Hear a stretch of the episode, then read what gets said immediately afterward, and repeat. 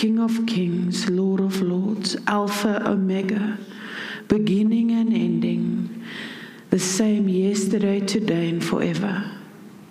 El Shaddai and Adonai, God Almighty, great I am, Redeemer, Savior, closest friend, Comforter, Counselor, Healer, Redeemer, Redeemer of the heart, Redeemer of the mind, Redeemer of the spirit, Redeemer of lives and livelihoods, Redeemer of marriages and children and generations, Redeemer of churches Lord, we come before you today, Abba Father. Let every eye that is present today be focused on the King of Kings, the King of Glory. For if we have an expectation of a person, Lord, we will be deeply disappointed. For the word says, Those who lean on the arm of flesh, they will be cursed, Lord.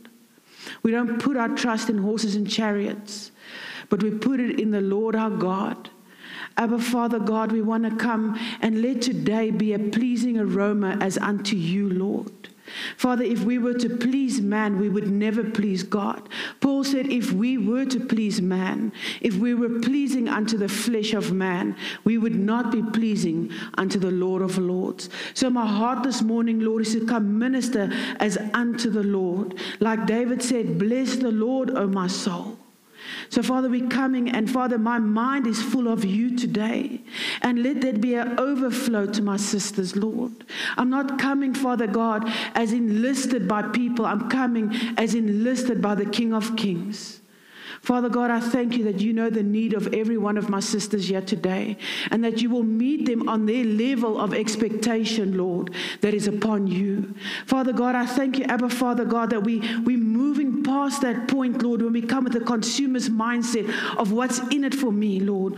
Today, something is happening and it's going to be what's God going to do through my life. It's not just anymore what's God, God going to do to my life. And I thank you for that this morning, Lord. I thank you, Holy Spirit. It's where the Spirit of the Lord is that there's freedom. It's where the anointing is that the yoke is broken. Not the eloquent speech or the eloquent prayer or the, the, uh, the doctrine filled preach, Lord. It's where the Spirit of our living God is, Ruach HaKadosh, the breath of God that brings life, that brings freedom, that brings deliverance, that brings renewal of minds, of lives, of every aspect of our spirit man and our flesh man. The transformational power of Jesus Christ, which is his spirit, the helper the comforter, the counselor, to whom He's given us for this time that we are living in. We want to honor you, Lord Jesus Christ, not just with our lips this morning, but earnestly with our hearts, Lord. We're a body that's seeking a touch from God this morning, Lord. We can no longer afford to come to get a touch from a man anymore because it's not man that brings freedom, it's God. Man can maybe drive out a demon, but it comes back seven times strong because it's only God that keeps us us free. We will know the truth, and the truth shall set us free. And the Son sets free will be free indeed. So we thank you this morning, Lord, that you are doing a new thing. And it says, Isaiah 43, verse 18 says, Put away the former things. Put away the things of past. And verse 19 says, Because behold, I do a new thing. I make a way in the wasteland and a pathway in the desert. This morning we need the Spirit of God to make a pathway for us. Lord, we're trying to make, we stop, we're trying to, we stop trying to make our own pathway or getting a pastor to make a pathway or getting a prophet to make a pathway or getting a man of God to make a pathway. We need the Spirit of the living God to come and make a pathway in the desert, to bring living water into the wastelands, to fill the cracks of the parched, dry soul, Lord, that has been dependent on man for too long. But we have a shift in our eyes this morning, Lord. We're going to put our eyes on Jesus. We're going to put our eyes from where our help comes from. In the name of our Lord Jesus Christ of Nazareth. Amen. And amen. Julle. Thank you, Jesus. This morning, thank you, Abba Father. Thank you, Holy Spirit.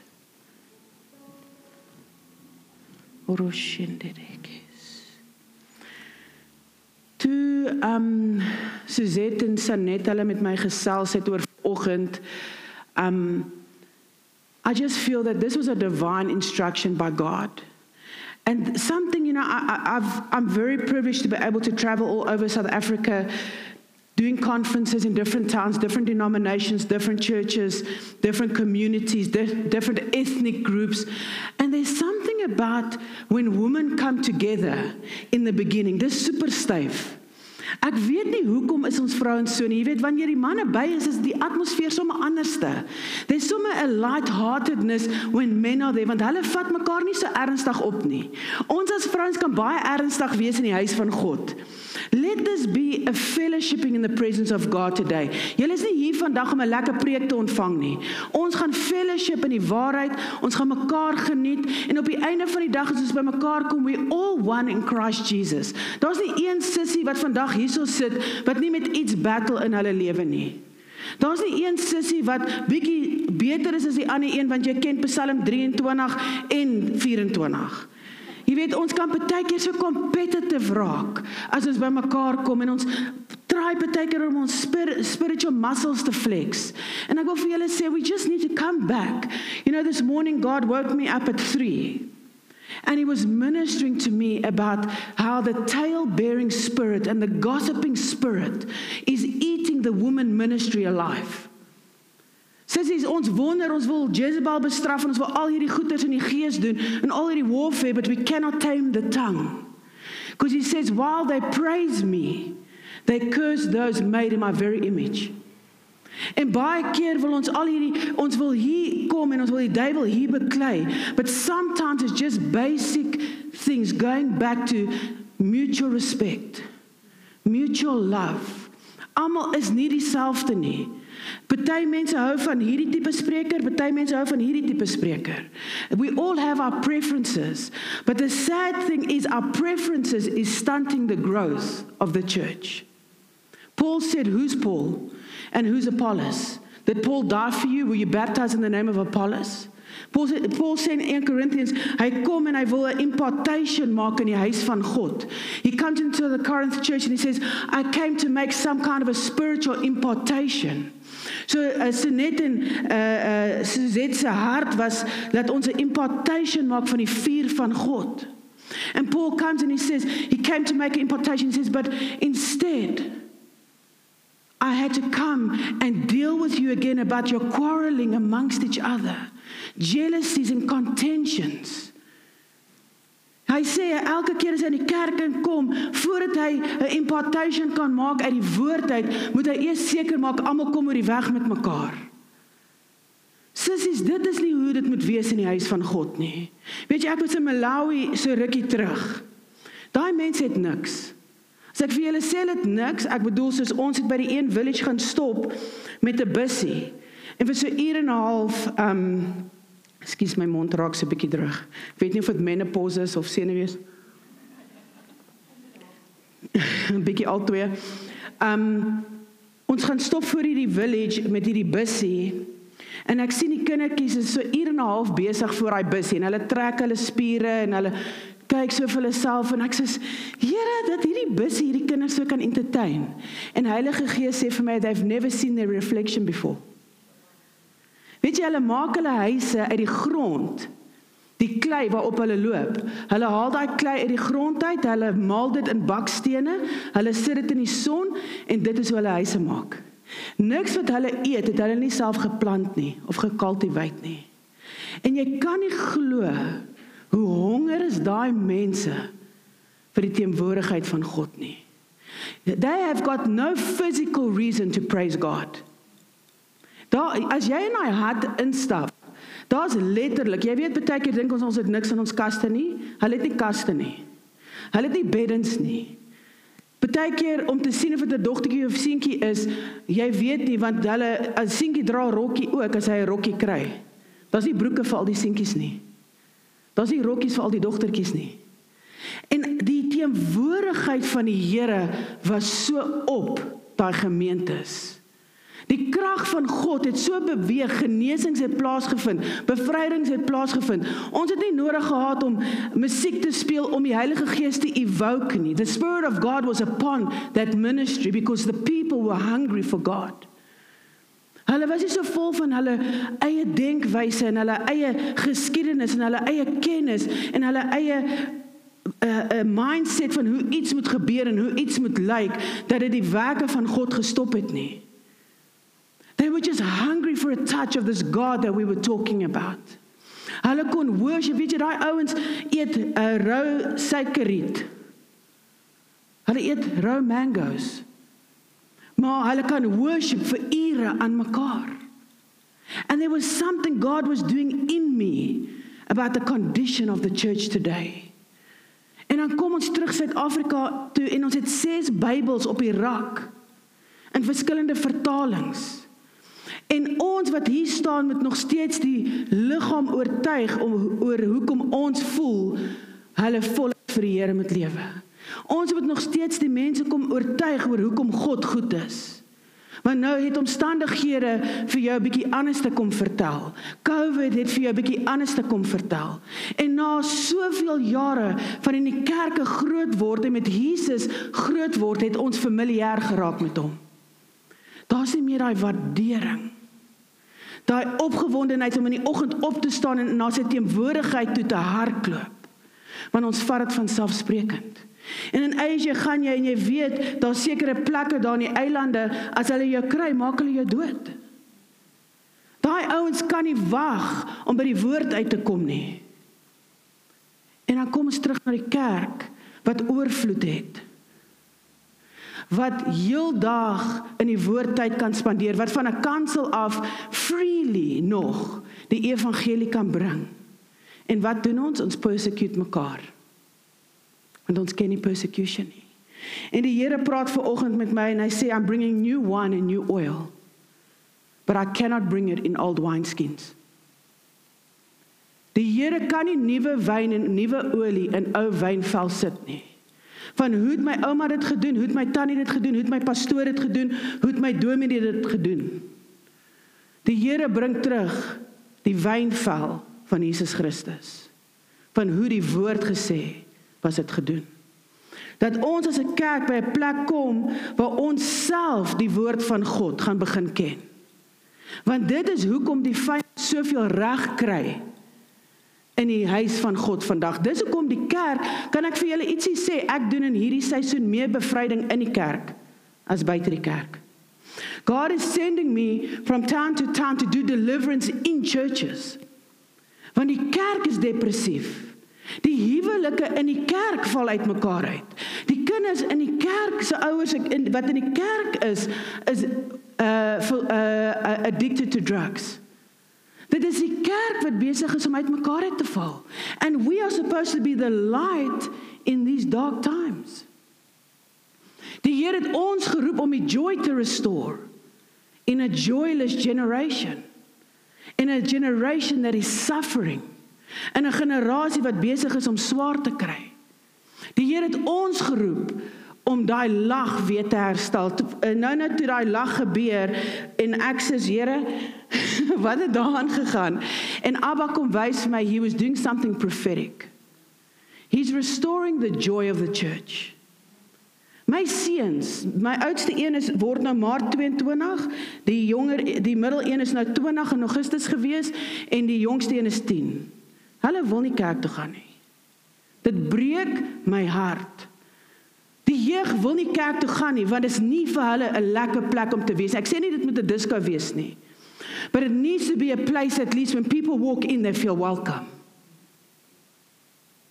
Waar mense instap en hulle voel die warmte van Jesus. Sê ek wil vandag vir julle ietsie sê. Ek wil sommer met dit begin. Die nuwe wynval lyk soos een ding.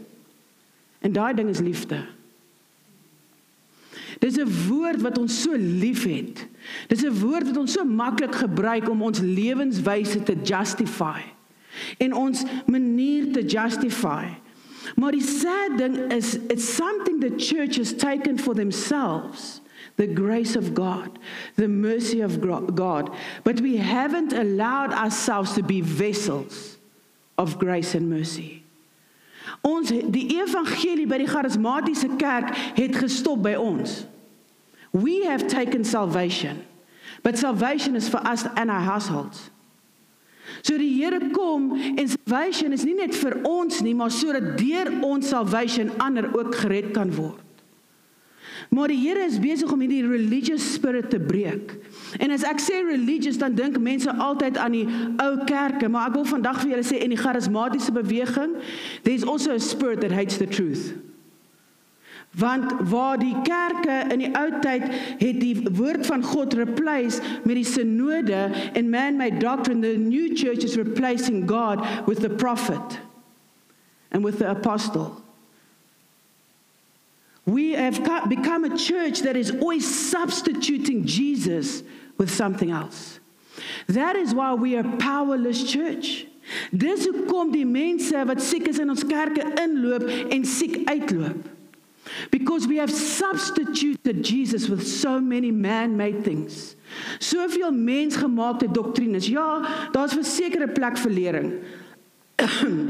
ek sê baie keer moet ek net 'n drup opsit vir die water. Daar's soveel mensgemaakte doktrines. Jy weet jy kan baie keer beter weet wat Tannie Joyce gesê het oor 'n saak en oor huwelike as wat jy skrif kan quote oor huwelik.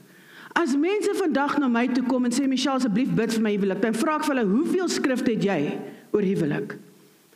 Because Jesus said it is written. Maar dit is baie makliker te dial 'n pastor. Daar's niks verkeerd daarmee to seek godly counsel. But how much more must your pastor pray for you before you start applying the word of truth to your marriage? Before you start applying the word of truth to your finances? Die, Here het vir ons 'n sleutel gegee. Maar die rede hoekom ons finansies nog nie oopgesluit is nie, is nie omdat jy nie jou tiendes gee nie. Dis omdat jy nie die woord oor finansies ken nie. The word, the truth is what sets us free. If we want financial freedom, we need to know what the word is saying about our finance. If we want freedom in our marriage, we need to know what the word is saying about marriage. Sissies, jy kan Jezebel bestraf tot jy blou is. As jy nie weet wat God sê oor jou man nie, gaan jy glo wat jy dink oor hom en jy gaan glo wat jou skoonma sê en jy gaan glo wat jou kinders sê en jy gaan glo wat die duiwel sê oor hom. If you don't know what the word of God is saying about your husband, you're going to believe any other voice you hear about him. As jy nie weet wat die woord van God sê van wie jy is nie, gaan jy glo wat ander mense van jou sê. Ek is 'n introwert in natuur. Ek is 'n baie skaam mens. En ek wil vandag vir julle sê vir baie jare was dit vir my super belangrik hoe mense die boodskap ontvang het. En wat was die mense se gesiguitdrukkings as ek die woord bring? En wat terugvoer as ek die woord gebring het? I went through a time where I was a people pleaser. En toe het ek dit ek het dit eers oor julle gemaak en toe maak ek dit oor myself. Die Here het my deur al daai goed gebring tot die plek waar ek dit oor hom maak. En as ons nie op daai plek kom nie, that is what brings liberty. That is what brings freedom. It's the spirit of God. Maar as jy sit heeltyd met onvergewensgesindheid en offense en gossip in jou hart, sê jy kan al die demone in die wêreld bestraf. Those things grieve the Spirit of God. Because He loves those people as much as He loves you. So die die die 10 bridesmaids kom voor die Here en 5 gaan in en 5 het nie olie nie. En die Here sê en hy sê but didn't we prophesy in your name? Didn't we cast out demons in your name? Didn't we do miracles in your name? And he said depart from me because I still don't know you. Dis Matteus 7. You who practice lawlessness. Het jy jouself al ooit gevra wat beteken daai lawlessness? Ek ek dink ek het met die vorige konferensie bietjie geraak aan die die vrugte van die gees. Ek wil dit vandag vir julle uit die Bybel uitlees.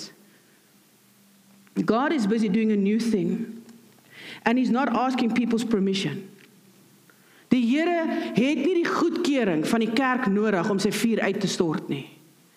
He just needs us to die to self. Hy wil hê ons moet op 'n plek kom waar ons nie meer daai mindset het van wat gaan God vir ons doen. Maar dat ons by die uh, in die huis van God bymekaar kan kom sê Here, wat wil U vandag deur my doen? Hoe kan ek U hande en U voete wees in hierdie huis vandag? Want as ons nie met daai mindset kom nie, sit ons in ons beoordeel die pastoor.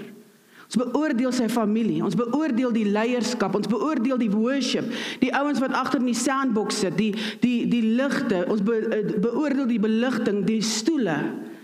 Because we come with, you know when you go to a restaurant, gister was ons in Piato en daar was 'n oom en tannie daar en die waiters het gestaan en praat en die oom roep en oom roep en oom roep en niemand hoor nie en eventually toe uh, kry hulle die bestuurder uit.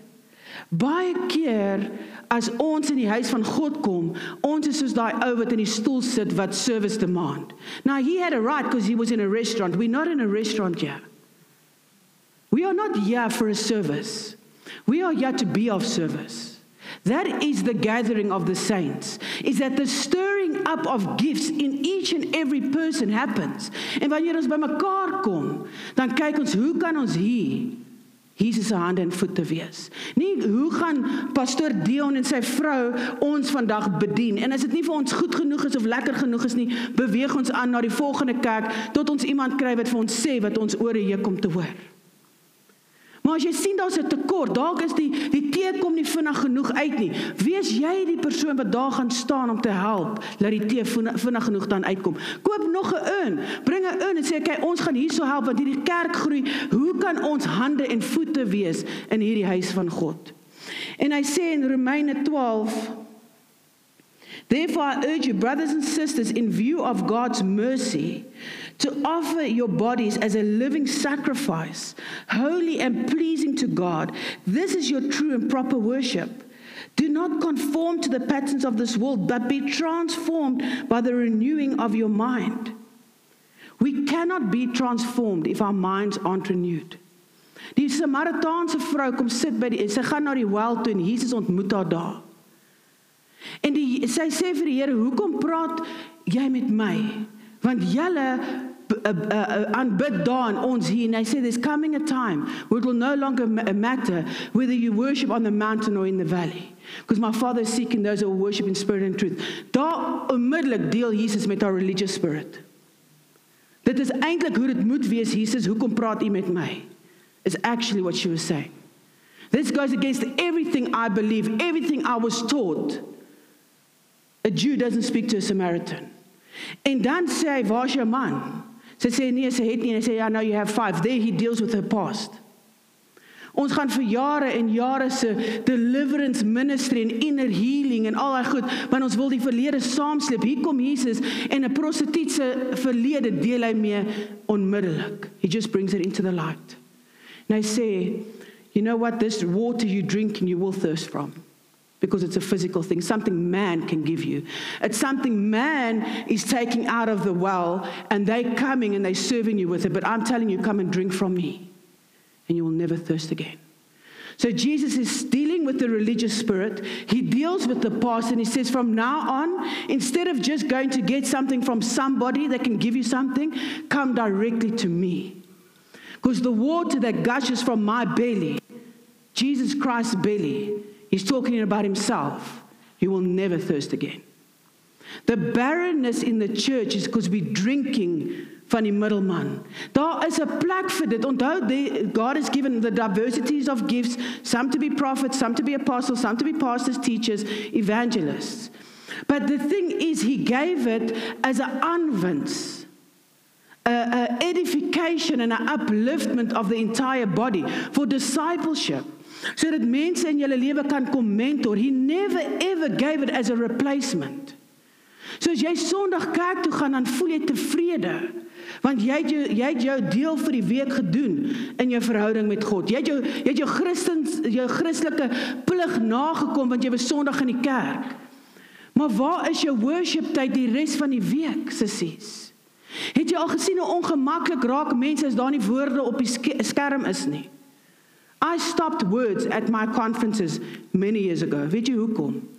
Not because it's not right and we cannot see in unity, because I was trying to cultivate a heart of worship in people. That they don't just come and sing what was given to them of somebody else's experience of God. Want nou kom iemand in die troonkamer. Ons luister ver oggend na Adonai van Lisa Kraus Wit en ek sê vir Gwen die oomblik as ek hierdie liedjie luister, ek ervaar die teenwoordigheid van God because when she was writing the worship it was what she was beholding of the king. Jy weet as jy by 'n in 'n wildtuin ingaan of selfs ek sê gister vir um Sanet 'n vrou is maar jy weet as ons 'n blink dingetjie sien dit is soos 'n moth to a flame en hoekom because there's something in us that has been placed there for natural adoration so ons sal hierdie ding op dan sê joh maar hierdie ding is mooi Ons kyk na hierdie borde en hierdie goed op die tafel. Jesus, maar daar't soveel moeite hier ingegaan. There's a natural inclination for man to worship, to adore. That is what we were created for. It's our it's our born purpose was to worship God. So nou wat gebeur omdat die duiwel weet, dis 'n natuurlike instink vir mens om te aanbid. Hy probeer alles in ons plek in die plek van Jesus Christus sit. You know that antichrist doesn't mean against Christ, it means instead of Christ. So hy wil altyd ons gaze op iets hê behalwe God. Onthou in Jesaja 14 toe hy uh, aanbid wou word, toe sê hy he wanted to be like God and then God sent him out of heaven like lightning. Okay? So nou wat hy gedoen het, toe gaan hy na Eva toe. Die eerste mense wat op aarde kom loop het en hy sê vir Eva, so die Here het vir jou gesê as jy van hierdie boom eet, gaan jy doodgaan. En sy sê ja, sy sê he said surely you will not die. You will be like God. So van die begin van die mensdom wou Satan mens kry om hulle self in die posisie van God te sit. Hoekom die Here nie wou gehad het ons moet van die boom eet van goed en kwaad is sodat mens nie besluit wat is reg en verkeerd nie. The religious spirit just replaces the word of God with what man thinks should be right and wrong.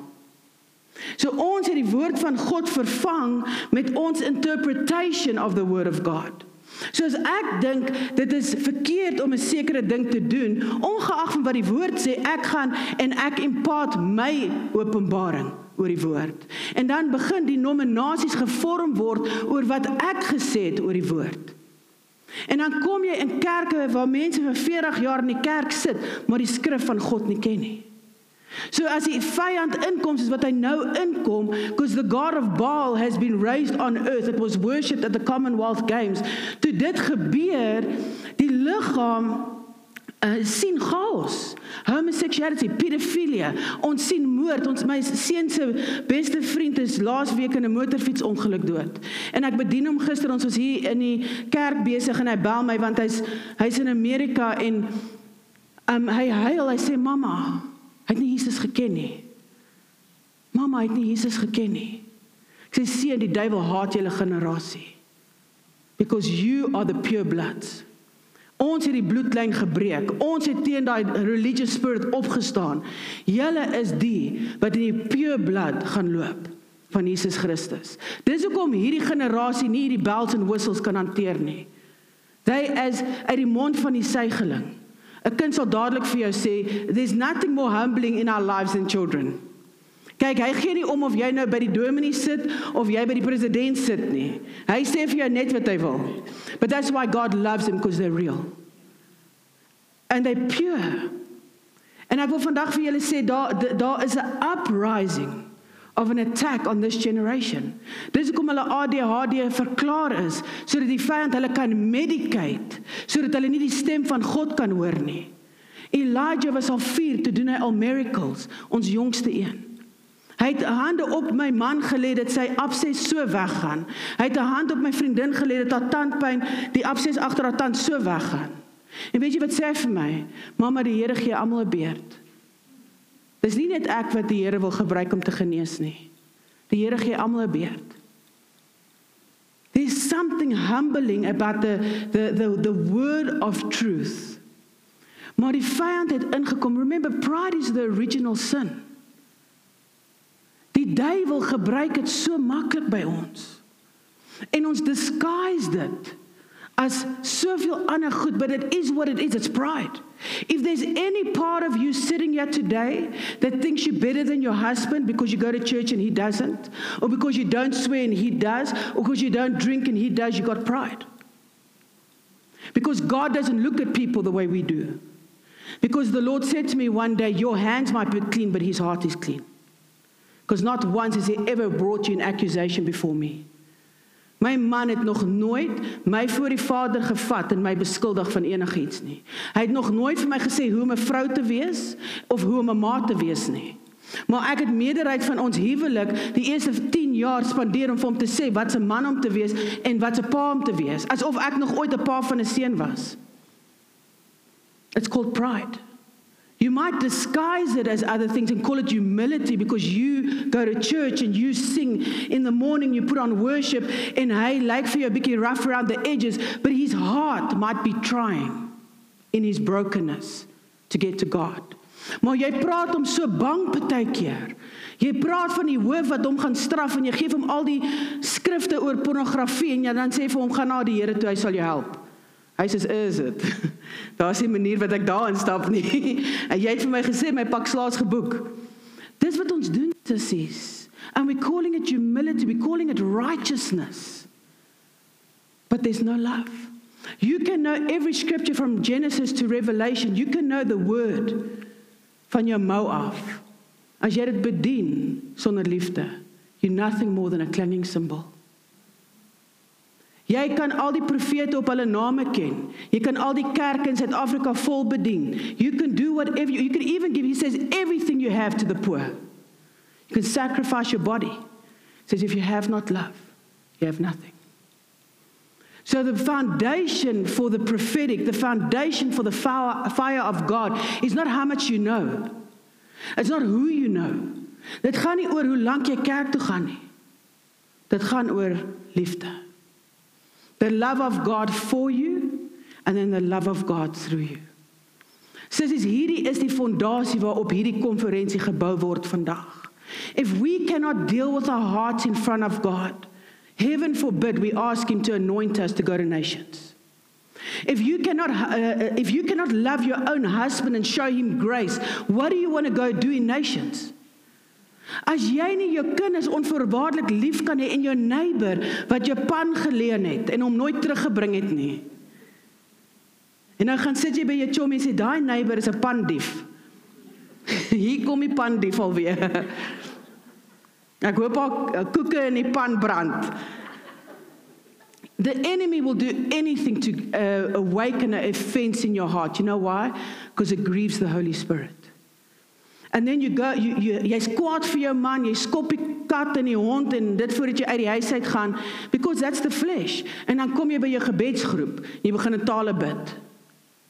And nothing changes in that prayer group. Huwelike word nie verlos nie, mense word nie genees nie. Die teenwoordigheid van God is nie daar nie. Why? Because you grieve the Holy Spirit. You don't grieve the Holy Spirit because of sin. Jesus paid for sin. It's when you don't have love. En dit is die moeilikste ding vir die huis van God. Dit is die moeilikste ding vir die kinders van die Here. Hoekom? Because we cannot generate love within ourselves. God is bringing us to the place of death. Vandag ons hart is op lewe. En dit is wat vir my so profound was van die orchestration of Holy Spirit. Toe koning Elizabeth oorlede is, die aand voor ons moes ry vir die konferensie. The only woman that was really allowed to wear a crown without anybody thinking she was weird where she was legally instated to wear a crown. And John says, unless a seed falls to the ground and dies, a new one cannot come up and be multiplied. En die Here sê vir Esther, Mordecai sê vir Esther, you know what if you don't want to do this, if you don't want to do this, the deliverance for the Jews will come. But how do you know that you weren't born for a time such as this? En hier kom die Here die dag na Queen Elizabeth, twee dae na die tyd en hy het 'n konferensie. Niemand wat hierdie konferensie bymekaar gesit het, het geweet Queen Elizabeth gaan oorlede wees twee dae voor die tyd. And here he comes and he's inviting us as his daughters to put our crowns on. That crown substance is made out of love. Dominion is not given to the person that can pray out loud. It's not given to the one that wears authority on the outside of wat al jou boksies tik van hoe pastoor moet lyk en aantrek en sit en travel en praat. True authority is worn on the inside. It's when you can love unconditionally. En albei in 2013 van julle het hierdie testimony gehoor, het die Here my kom challenge. Toe ek in 'n huwelik was waar dinge was bitter ongesond en ek gaan nie in detail gaan van wat in my huwelik gebeur het nie. Al wat ek vir jou kan sê is ek verstaan trauma. Ek verstaan depressie. Ek was in 'n kliniek, ek het gister 'n bietjie geshare met pastoor Dion hulle op op die tafel. Ek weet wat dit is om in trauma te wees. Maar Abba het nie vir my kom sê, "Sissie, jy is te heilig vir hierdie man." Kyk hoe heilig lewe jy en jy gaan kyk en sissie, jy bedien al, jy's al 'n pastoor en nou jy hierdie man wat nog nie in sy plek is waar hy moet wees nie. So ek release jou uit hierdie huwelik uit. Dan gaan wees jy lief vir die prostituut en vir die drug addict. Nee. Die Here het vir my gesê, "How can you go out and love the prostitute?" Want toe het ek al 2 jaar in 'n rehab gewerk waar die prostituut se jonks is 9 jaar oud is. Toe het ek al met die drug addicts gewerk. Maar kom by die huis aan en ek dink ek's te heilig vir my man. En die Here sê vir my if you love those who are easy to love you know better than the tax collectors. You have proven nothing. I don't care how much you preach. I don't care how well you preach because the gift is without redemption. Weet jy jy kan in die gifts operate sonder Heilige Gees. The gifts are without redemption. Dis hoekom hy sê you prophesied in my name but I didn't know you. Because that gift was not redeemed by Holy Spirit. So ek kan preek dat die spoeg spat. Dit maak my nie gesalfd of geseënd nie. Dit maak my 'n goeie preker, 'n motivational speaker. En die Here challenge my 2013 op my sitkamer vloer om my drome en my planne en my idee van wat my gelukkig sal maak prys te gee. Nie vir my calling nie, maar ter wille van my man se. En Abba vra my, sal ek my reg wat ek voel ek het om hier uit te stap en my eie geluk te gaan bou, prys gee ter wille van die roeping op my man se lewe. Want weet jy wat nie almal het soos ons groot geword nie. Not every I had a stable household. Ek het sekuriteit gehad. My pa, my ma was baie betrokke. Ons ouers was baie streng. My man het dit nie gehad nie. Hurt people, hurt people. Dis kwaad vir jou skoonma vir 7 maande en 7 aande of 7 jaar. Hoekom? Nee, want jy verstaan nie hoe is sy nie. Nee, jy verstaan nie hoekom sy so is nie. Instead of judging her and going to discuss her oor koffie saam met jou vriendinne, gaan in jou secret place en gaan op jou knieë sê Here, wat is hierdie ding wat ons so gemaak het? Ek onthou my stiefma uh, my man se stiefma as ons daar gaan ek het verlang wou ek glad nie daar gaan kuier het nie. Want dan skree sy op die kinders oor hulle pampoen en dan is hulle al 17. jy weet, soos ek okay, is dit. En dan is dit al hierdie goed sy was so harde mens. En ek onthou die een aand ek gaan toe in die kamer in en ek besluit sommer ek sit in hierdie kamer want ek kan hierdie drama nie handle nie. En haar seun kom daar ingestap en hy sê hy sit op die bed. Hy sê ek wil net ietsie met julle vandag kom share. Hy sê ek weet my ma is moeilik. Sê ja, ja, bietjie, so klein bietjie. En ehm um, maar daar was baie goeders maar ek wil haar nie ontbloot nie. Maak nie saak nie.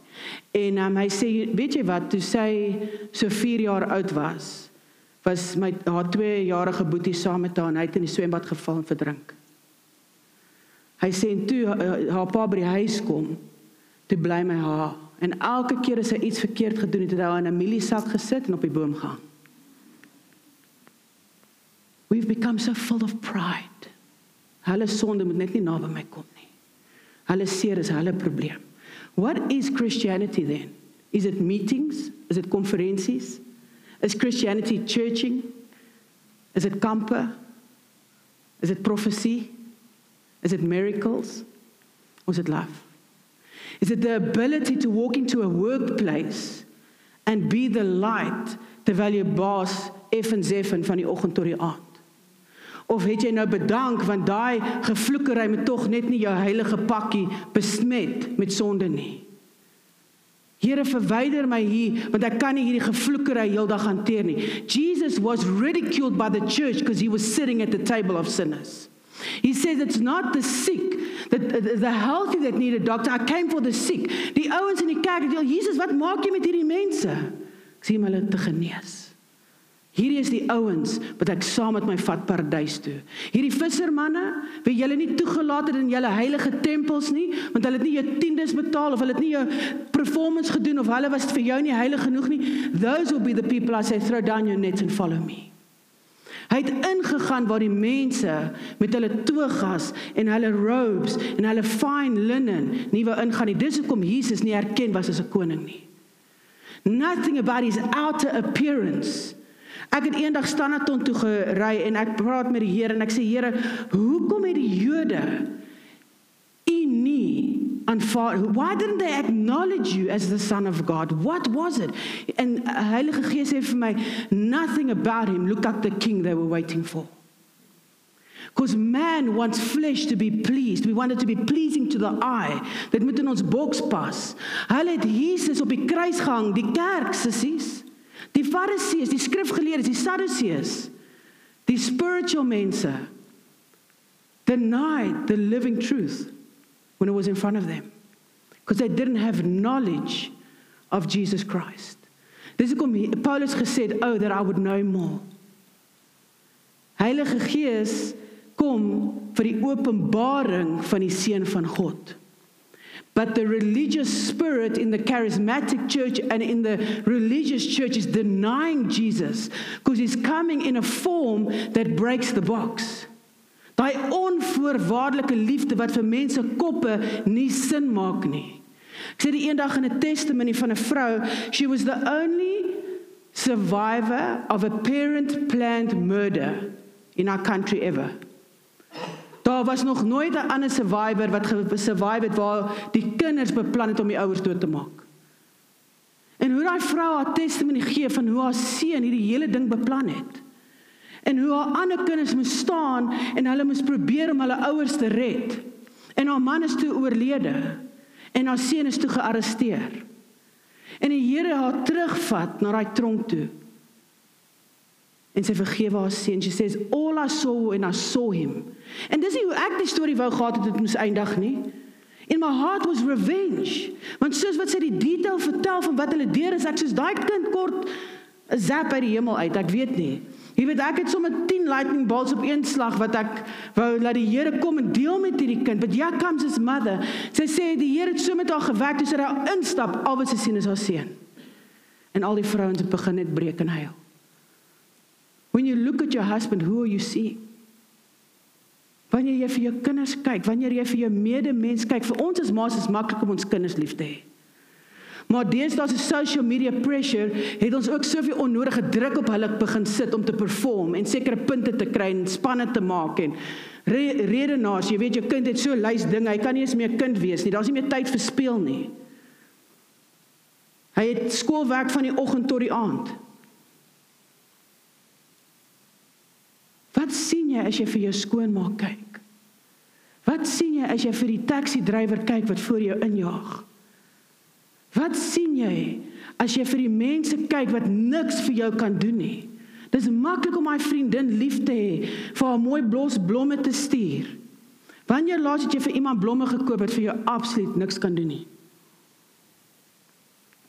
Wanneer laas jy by 'n plek ingestap Jy weet 'n vriendin van my, ek het haar vir so 4 jaar gedisipel en Abba het 'n geleentheid vir haar oopgemaak om 'n huismoeder te wees van 'n kinderhuis in vrede.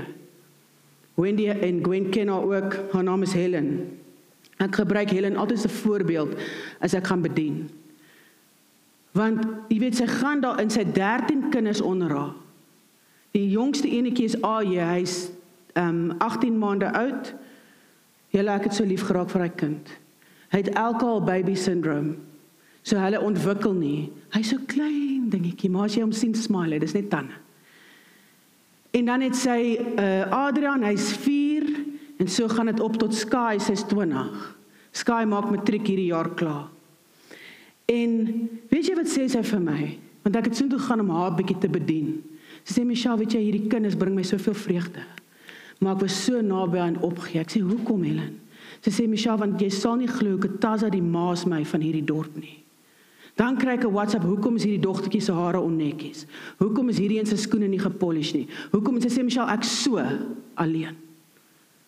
Sy sê hulle sit by my op die bed tot 11:00 in die aand want hulle soek net aanraking. Dat een van daai ma's nie na hulle fancy karre klim en na daai kinderhuis toe ry en sê Helen, kan ons jou help in die middag met huiswerk? Helen, kan ons 'n bietjie vroeër in die oggend kom, ons bring ons kinders saam, dan maak ons hare saam jou reg vir daai kinders. Verstaan jy die culture?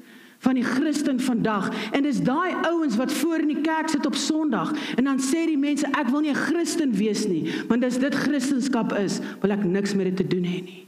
So my ministry at large in hierdie seisoen is damage control. Om vir die ongelowiges te gaan verduidelik maar dis nie regtig wie Jesus is nie. Ek beloof vir jou, vat my woord vandag. Jesus gee om oor die armes. Jesus gee om oor die orphans. Hulle kom na hom toe sê Jesus, hoe gaan ons weet ons gaan die koninkryk behaal? Hoe gaan ons weet? Hy sê you gave me food when I was hungry. You visited me when I was in prison. You gave me clothes when I was naked. Hy sê, "Maar Jesus, jy was nooit een van daai goed nie." Hy sê, "But if you did it for the least of my brothers." Hy het nie gesê as jy ten minste 15000 mense in 'n konferensie bymekaar kon bring. As jy 'n kerk vol mense kan maak, as jy 'n konferensie vol kan maak, of as jy kan profeteer hoorbaar dan gaan jy die koninkryk behaal. Where have we lost Jesus in the sight of church? Why isn't the first thing, jy weet as jy moslim uh, toe ek in Asia was, jy kan sien wie's die moslems. Want hulle almal lyk dieselfde, hulle tree dieselfde op, hulle gaan bid dieselfde tyd. Ons lag vir hulle. My man het altyd gesê hulle soek Vrydag kontaklense. Want daar bid hulle, hulle is op die vloer voor hulle God. Hy het gedink hy doen God 'n guns deur om hierdie mense te bespot.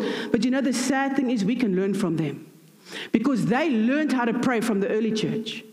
The early church just became charismatic. En as iemand vir jou sê jy moet bid en jy moet Bybel lees, dan is hulle onder die wet. Sê ek wil vandag vir julle iets sê. If you are saying it's not religion, it's a relationship. I'm asking you today who's that relationship with? Because if you don't know the word, you don't make time in the secret place for Jesus, who are you having the relationship with? Is it your pastor? Is it the prophet? Is it the evangelist? Is it the church leader of die ouderling by die kerk? Met wie is daai verhouding? As jy jou noteboek uithaal wat jy van konferensie tot konferensie toe vat en inskryf, when was the last time you wrote something in there from Jesus himself? Can you identify the voice of God when He tells you at a stop sign to go left or to go right? Kan jy die stem van God identifiseer because it says my sheep hear and obey my voice but the stranger will not follow. Nou sê die een jy moet vaksinate, nou doen jy vaksinasie. Nou sê die een jy moenie, nou doen jy dit nie. Nou sê die een ons bestraf COVID, April is hy weg. Uh, niets vir daai profeet het nog 2 jaar aangehou. Waarmee is ons besig? Ons is scattered like a sheep without shepherd. Because there's one good shepherd. And if we hear and obey his voice, we'll all be going in the same direction. But because we've been listening to man and not to God. And even if the man is speaking about God, that's a nice thing. But are you hearing what God is saying to you in this season? Toe in lockdown gaan, het die Here vir ons 'n woord gegee as 'n gesin, a spiritual family and my physical family. Ons het 3 uur opgestaan. Sy sê Here, wat sê U oor lockdown? Wat sê U oor hierdie siekte wat oor die wêreld want die aand van lockdown was die dag voordat ons Israel toe sou vlieg. Nou sit ons daar en ons is dikbek en ons sit ons snacks hier in ons mond wat wat gaan ons nou met hierdie snacks doen? Jy weet en ek sê net vir die Here God, what are you saying to us about COVID? En die Here sê vir my as I was with Moses, I'll be with you. En ons sit profeties houtletters by die ingang van ons huis I am. Because with Moses there was always provision. There was always protection and the spirit of the Lord was with him. En die uh, ek raak toe aan die slaap en die Here sê vir my don't forget the Midianites. Drie keer hoorbaar dat ek eintlik wakker word en ek begin oplees oor die Midianiete. En Abba wys hulle is geheers deur die Midian koning wat hulle geheers het deur vrees. En God sê don't let fear come in in this season. Because through fear, media and the government will get you to do things that I don't want you to do. Sissies, ons kan nie bekostig vandag Ek was op 'n Zoom call die ander dag en ek gaan dit sê want Abba wil hê ek moet dit sê. Moet asseblief nie offense vat nie. I was on a Zoom call with 496 uh, doctors in South Africa wat sit en praat oor vaccination injury. There's actually a name for it now. Dis die nagevolge van vaccinations. That the medical world is now sitting and talking about it. But we are not sheep that follows the world. We don't get to find out afterwards. God comes and He leads us. He, the sheep hear and obey His voice. Very well known, very well uh, educated, old doctors sitting and having a meeting. And God strategically, supernaturally, het hy my op daai conference call gesit. Ek weet nie hoe ek dit was eintlik 'n ding wat ek wou uitvind oor DNA. oor 'n DNA eetplan. En dis hoe ek op hierdie conference call gekom het. En ek sit vir ure en 'n half en luister oor wat die vaccination op die liggaam doen. God wants to come. He's always one step ahead of the enemy. Always. And those that yearn to obey his voice will be the same. Ons gaan nie casualties wees in hierdie tyd nie. Die Here het ons geroep om forerunners te wees, om pioneers te wees, om die lig te wees. A light is put on the city's hill. It's not hidden under a bed. We go out and we shine our lights. Ons gaan ons wys mense moenie bang wees nie, maar die kerk was net so bang soos die wêreld. Die kerk was net so verward. Hulle praat gister iets van COVID trauma in the church. Come on, the word has told us for how long? There will be pestilences, many of them. COVID will not be the only one. It's the first of many. It's actually not even the first. It's many of many, of many, of many, of many. And it's not the last. Now it's monkeypox. And it's like, weet nie, wat pox is daar alles al nie. And now you have to get the monkey jab. Come on, guys. Where, where's the church's mind? Ons hoop tog net die pastoor hoor die stem van die Here. He will. Because he's the one going to the chest of God. But we've all been called to be like Moses. Wat het gebeur toe Moses opgaan na die berg toe om met God te praat? Die ouens het gesê nee, gaan jy. Ons sal vir jou wag.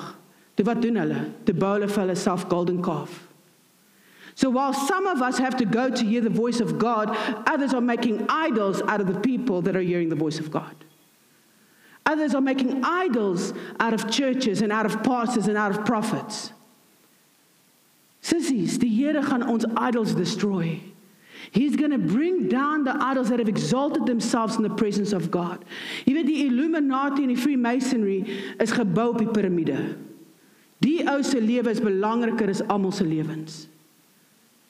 If it's one thing I've seen about Pastor Dion in the short period that I was with him yesterday is he's yet to serve you. I want to come and challenge you this morning and ask are you yet to serve him? Are you yet to serve Glenda? Are you yet to serve the ladies in your church? Or are you yet to be served? Kort tydperk in sy teenwoordigheid en ek sien sy hart om mense te dien. Sê ek wil vandag vir julle challenge met hierdie skrif. En hy sê ons gaan terug na Romeine 11 uh, 12 and he said then you'll be able to test and approve that God, what? So i say uh, do not conform to the pattern of this world but be transformed of the renewing of your mind. He says then you will be able to test and approve what god's will is. Weet jy hoeveel mense kom na my te vir gebed oor wat is god se wil in hulle lewe ek kan vir jou sê vandag wat is god se wil in my lewe Maar God wil hê jy moet by hom uitkom om hom te vra wat is sy wil in jou lewe. Imagine ek en jy, ek en my man gaan trou. Maar daar moet 'n vrou inkom om vir my te kom sê wat my man nou dink. Gaan jy dit toelaat? Ek gaan sê is dit. Imagine om 'n vrou inkom om vir jou te sê o, jou man voel vanaand sterk in sy arms. Gevaar bly. Why do we want somebody to come and tell us about God? Somebody else's worship what they encountered when they came into the presence. And we are showing more honor to prophets and pastors. And when we go and pray at night, you op your rug because you become familiar with God. Maar as die profeet instap, dan sê hy, "O, hier's profeet so en so en julle maak vir hom die plek mooi." And you know, yesterday I could come in and just be family with these ladies. Daar was geen idolatry nie. Daar was geen Michelle is nou beter as 'n ander een. Ons het gesit en ons het saam goed geplak en ons het saam goed gedoen. That's the body of Christ working together. Ek het ingekom en hy deel en bra met my aanvaar as 'n sussie in Christus. Daar was nie musselmeting nie. We need to come to that place of maturity. And I say, For by the grace given me, I say to every one of you, do not think of yourself more highly than you ought, but rather think of yourself with sober judgment, in accordance with the faith God has distributed to each of you. For just as uh, of us, has uh, for just as each of us has one body with many members and these members not, do not all have the same function, so in Christ, though many form one body, and each member belongs to all the others. We have different gifts according to the grace given to each of us. If your gift is prophesying, then prophesy in accordance with your faith. If it's serving, then serve. If it's teaching, then teach. If it is to encourage, then give encouragement. If it is giving, then give generously. If it is to lead, do it diligently. If it is to show mercy, do it cheerfully. Love must be sincere. Hate what is evil. Cling to what is good. Wat is vir jou evil? Het jy jouself al daai vraag gevra? Because when we say hate what is evil, dan haat jy iemand wat drank, drink, né? Nee? Maar Jesus het gesê they called him a drunkard. Hoekom? Want hulle het hom met wyn gesien. Hy het nie dronk geword nie, but they saw him with wine. Het jy rook al ooit in die Bybel gesien? Het jy hulle? Opening 3 vers 3. We have become ones that have decided what's right and wrong. And we neglect the truth about love, gentleness, kindness, forbearance, long suffering as what is good. We think what is good is not swearing, it's not stealing. He says, You don't have to worry about the commandments, I'll write them on your heart. Mom, get ek kom daar and I say, be devoted to one another in love. Honor one another above yourselves. You will never gossip about anybody unless you think you can do it better. Jy gaan nie praat hoe hoe daai vrou met haar kind is want tensy jy dink jy kan daai kind se ma beter wees. Jy gaan nie vir jou man sê wat om te doen tensy jy dink jy kan dit beter doen nie. So the reason that we walk around and we're trying to change everybody but allow ourselves to be transformed because the truth is we've exalted ourselves above others. En hierdie is 'n condemning boodskap nie. This is a liberating message. Because you know, I think sometimes when men know we're going to conferences, daai man word so paniek bevange. Want as jy by die huis kom, gaan hy weer klap deur die van die Bybel af kry. Hy raak sommer so paniek, hy vang, hy vang twee brandas. En al wat jy doen is jy dink, "Jesus, maar ek kan nou nie glo ek gaan in die huis van God en luister na die woord en hier sit en hy drink drink saam met sy pelle. Hy kry 'n bietjie courage vir as jy by die huis kom. Never be lacking zeal, but keep your spirit spiritual fervor, serving the Lord. Be joyful in hope, patient in affliction. Vrydag op pad na 'n konferensie toe in Rustenburg, toe ry ek soos bietjie onder 'n trok in. Die oud gebriek voor my, die tolhek was baie besig, my seentjie was saam met my in die kar en ek was op pad om die Here se werk te gaan doen. Hier briekie ou en ek gly so onder die trokker en my bonnet is kapot. En ek begin net God in heaven, God in heaven. Ja, he is in us, but he's also our Father who art in heaven. Say God in heaven. En Abba sê net vir my, where's the treasure of your heart? Because whoever you honor in this, if it's me or the devil, the outcome will be accordingly. And I just started glorifying him. En weet jy toe ek by daai konferensie kom, want eh, my man het gekom en hy het die kar getoets, hy het gesien hy kan nog ry. Ek sê, "Wel, ek gaan nog konferensie toe." Because there's a reason obviously the enemy doesn't want me there. En ek kom daar aan en die Here het miraculous goed gedoen. Like seriously the fire of God fell upon the people, not because people were laying hands on them because God was laying hands on them. And there was deliverance and there was there was rebirth. En die aand toe uh die vroutjie ek ken haar nou al 4 jaar en sy sê vir die eerste keer in 4 jaar lê die Here op haar hart om 'n offergawe op te neem. En ons is 'n paar sprekers daar. Sy sê in die offergawe moet na Michelle toe gaan. En ek begin klaar vir haar. En sy sê I'm just being obedient to the voice of God. En dubbel dit wat die die access was of wat excess of whatever op die kar was. En dit is 'n nuwe kar so dis baie. Dubbel dit was in my rekening betaal. Because in that I chose to glorify God. Ons wil die duiwel die skuld gee vir alles. Life happens. Sometimes you're driving at the bottom of a truck because he braked. Okay? But what the outcome's going to be is if I see Satan in it or see God in it. So ek kan nie boast hier dat ek dit so reg doen nie. I was just being obedient to the voice of God. Die Michelle sal soos 'n Indiaan daar rondgehardloop en geskree het. Ah, jy weet nie, my kar, my kar en my seun kyk na die kar en hy sê, ek sê seun, is jy reg? Hy sê, "Ja, maar ons kar, kyk hoe lyk ons kar." Hy sê, "Mamma gaan my nie met hierdie kar gaan aflaai nie." the flesh is weak, but the spirit is willing. The spirit of God, I heard my sheep hear and obey my voice.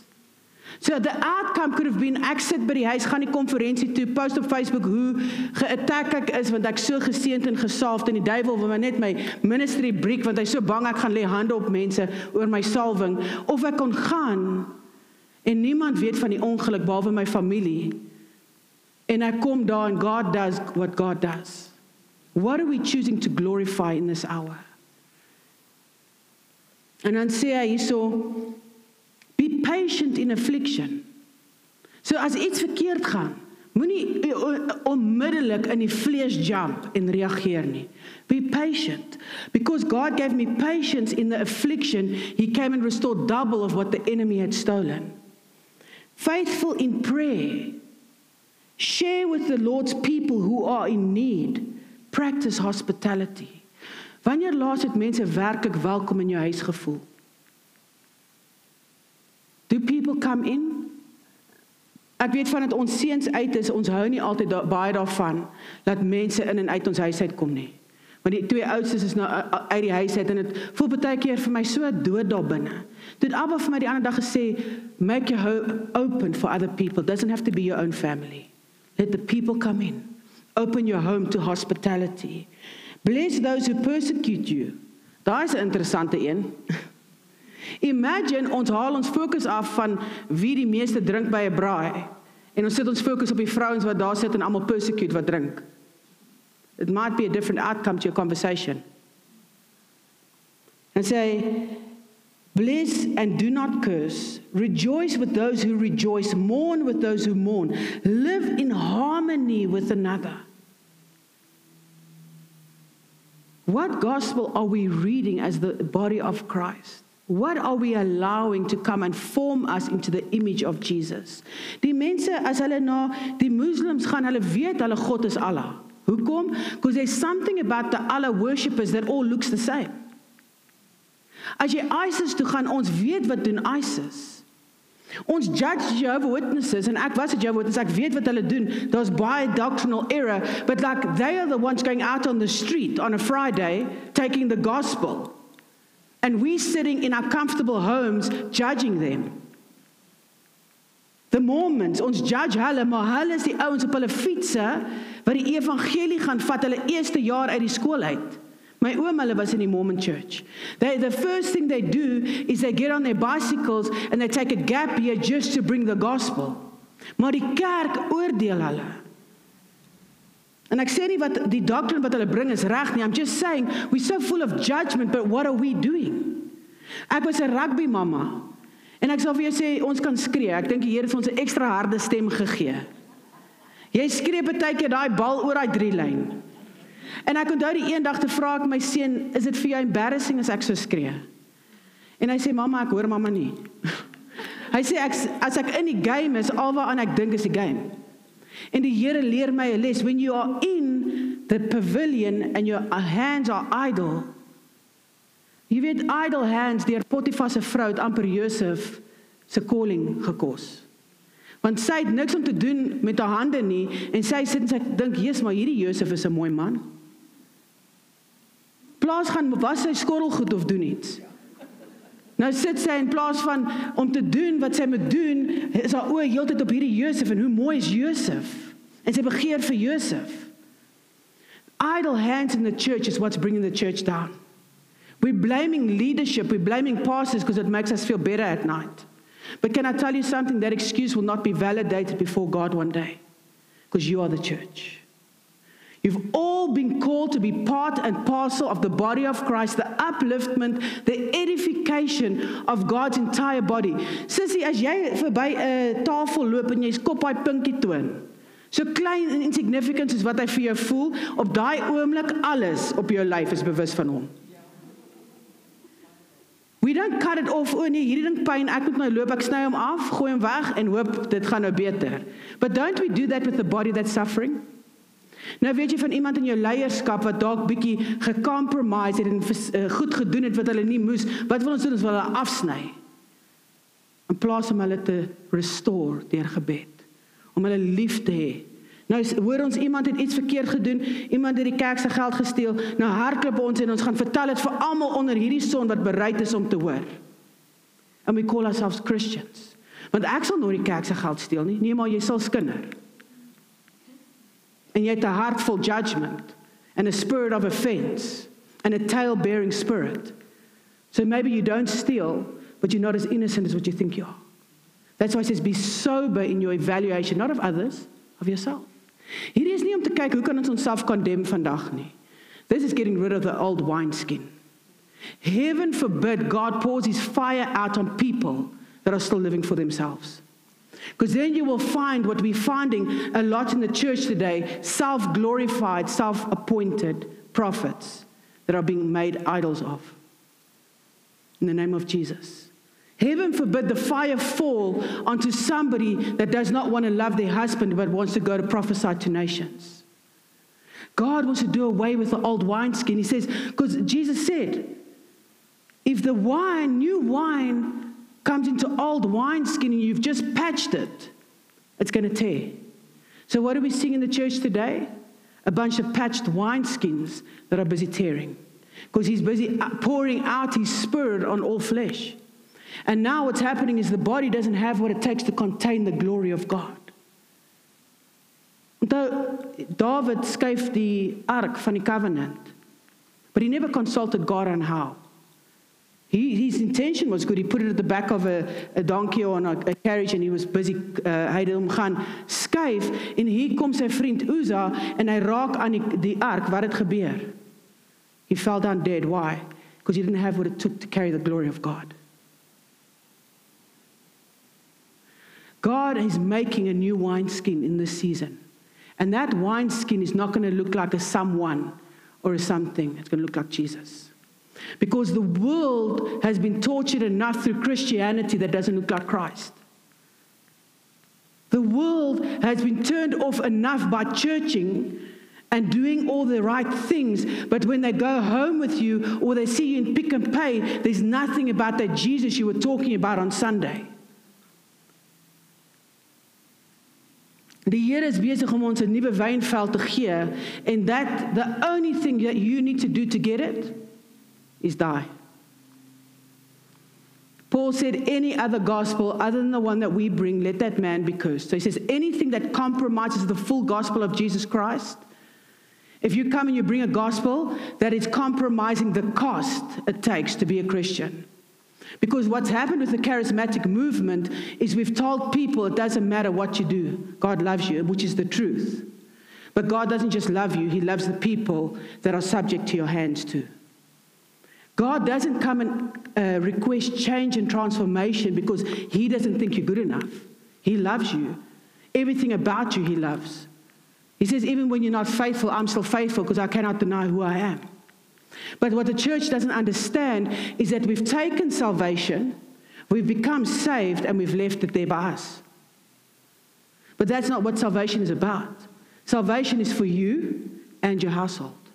So we've taken the gospel of grace and we say, okay, well, God doesn't really care how I live. Yet we walk as Christians and judge the lifestyles of everybody else. Or we say, you know, don't judge me because the mercy of God is new every day, but yet you're taking it for yourself, but you're still not having mercy. He says, Blessed are the merciful, for they'll be shown mercy. He's saying it's more blessed to give than what it is to receive. So the problem is with the charismatic religion is that we've taken the gospel of salvation and we've made it just about us. And that is why Jesus said the gospel means you need to die. Because if you don't die, the enemy is going to keep on pinning everything to you. Whether it's curses, whether it's bloedlyn, wanneer dis hoekom bloedlyne nou heeltyd nog steeds gebreek moet word. Jesus didn't do 7 months of counseling to the prostitute. He just said this is what you've been doing. And when he healed somebody, he said, Get up and sin no more. Paul was a murderer. He meets the resurrected Christ on the road to Damascus to kill Christians. And Jesus encounters him and makes him blind to his flesh for three days so he could see in the spirit. And Paul said, He stood up and he said, I put away those things of my past. The reason we keep on going back to our past to wanneer jy 'n klein dogtertjie was en al hierdie goed wat uh, ek en my sussie was een ons was by my uh, oupa se huis ons het hom vertrou en hy het molesteer langs my. And our purity was robbed in that moment. I understand trauma. Exposed to pornography at a very young age. I understand trauma. But you know what? I could decide to be the trauma for the rest of my life I could decide I could be what happened to me my marriage for the rest of my life and go and tell everybody my heart soul story about what my husband jy weet ek ek wat my love language is gifts. Ek love 'n mooi dingetjie 'n blommetjie 'n frilletjie 'n valletjie. Ek was die dogtertjie met die make-up met die hakskoentjies en die Barbie tot staan dit 7 en weet jy wat doen die duiwel? Hy weet dit breek my. En elke jaar voor my verjaarsdag vat my man my geskenk en hy gooi dit neer en hy spring op hom. Why? Broken. Broken inside. But when God loved me, he was loving my husband through me too. Sy liefde het nie by my gestop nie. Because who else was going to be praying for him if I said no? Maybe nobody would ever pray for him. Maybe every woman would reject him and he'd end up in hell. If we call ourselves Christians, what are we identifying Christ with? The anointing? The anointing to do what? Lay hands on the sick.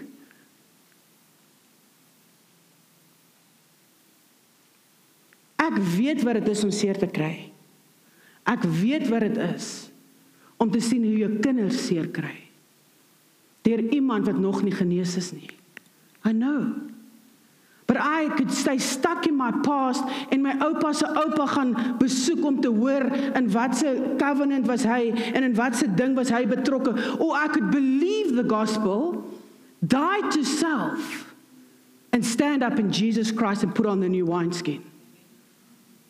So that when I go, signs and wonders follow me. I don't have to follow them.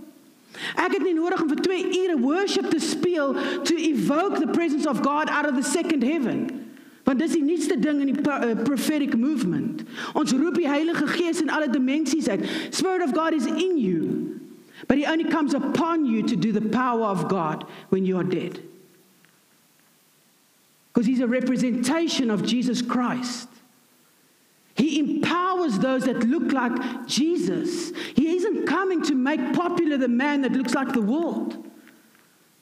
Hoekom moet die Here my vertrou met sy krag as ek huis toe gaan en my man verder in die afgrond druk waarvan af uit hy kom? Why should I be entrusted with a pulpit to minister about love if I'm not going home to love those that are not easy to love? To feed those that can never do something. Jy staan by die stopstraat en jy het sewe gesprekke met jouself en jy hoop in hierdie tyd wat jy die gesprek het van of hy die geld verdien of nie, daai robot word groen. Oh, but God, you know, he, He's told us we must go and work. I don't know if you know what the jobless figure is in South Africa for men over 60. Jy's maar daai ou met 'n werk gaan kry. Gaan kry jy hom dan 'n werk. Jy het 'n baie goeie idee gekry. Ek sien gister hulle vra, "Jesus, ek weet nou nie was Queen Elizabeth saved?" Ek wonder nou of was sy gered. Chom, hoekom het jy nie dit gewonder toe sy geleef het nie? Were you praying for Queen Elizabeth? Because if you weren't, don't judge her now that she's dead. But that's the church. And we stand in worship on a Sunday and we say, God, let your glory fall. Heaven forbid the glory falls on vessels that are still full of themselves. Because you will use that glory for the edification of yourself. You will take the glory when people get healed for yourself.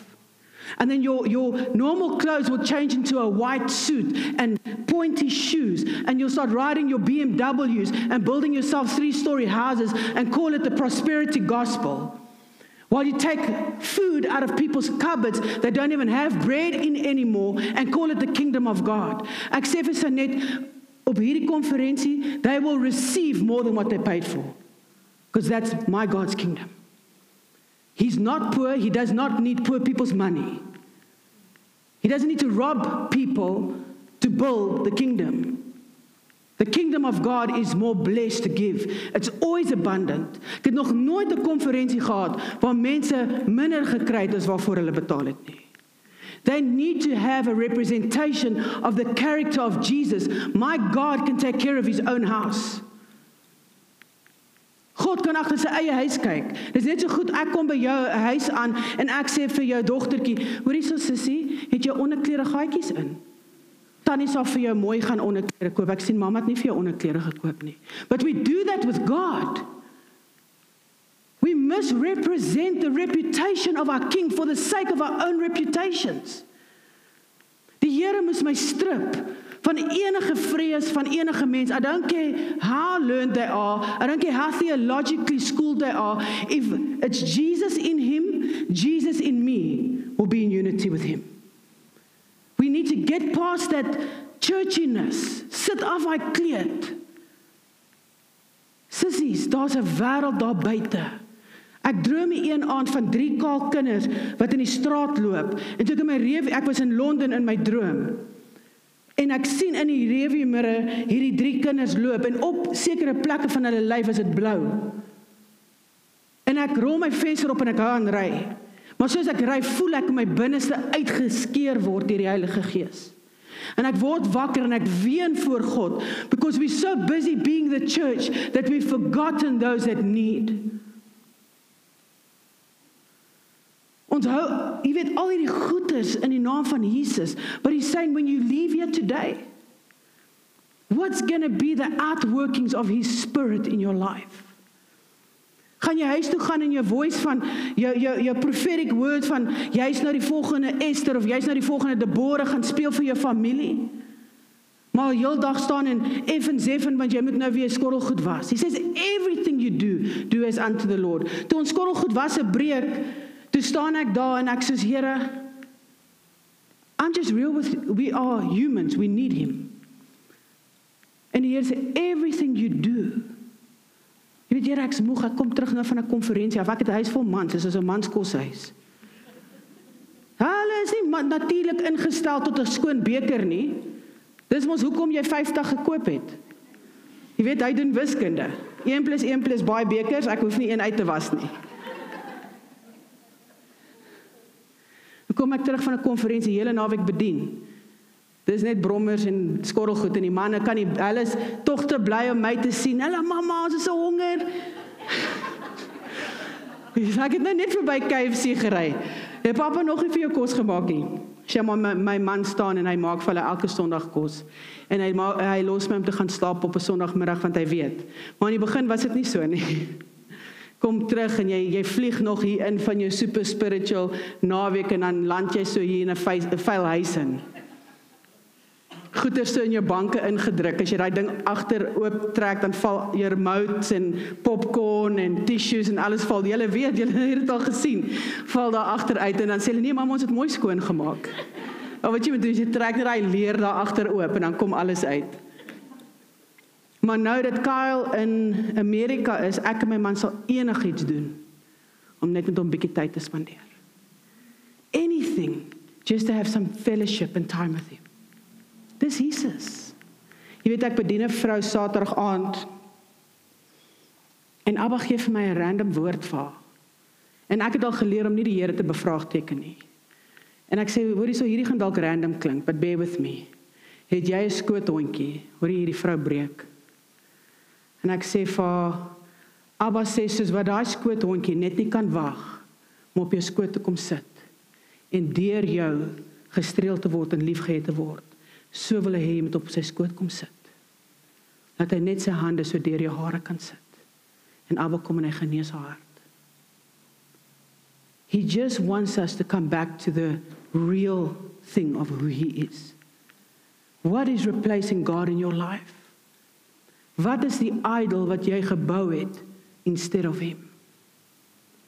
Dalk is die, jou idol jou man se bekering of dalk is dit mense of wat ook al dit is we cannot go into this next session holding on to old wineskin. Because God wants to pour out his spirit. He wants to activate. Hy het elke een wat vandag hier is gehandpick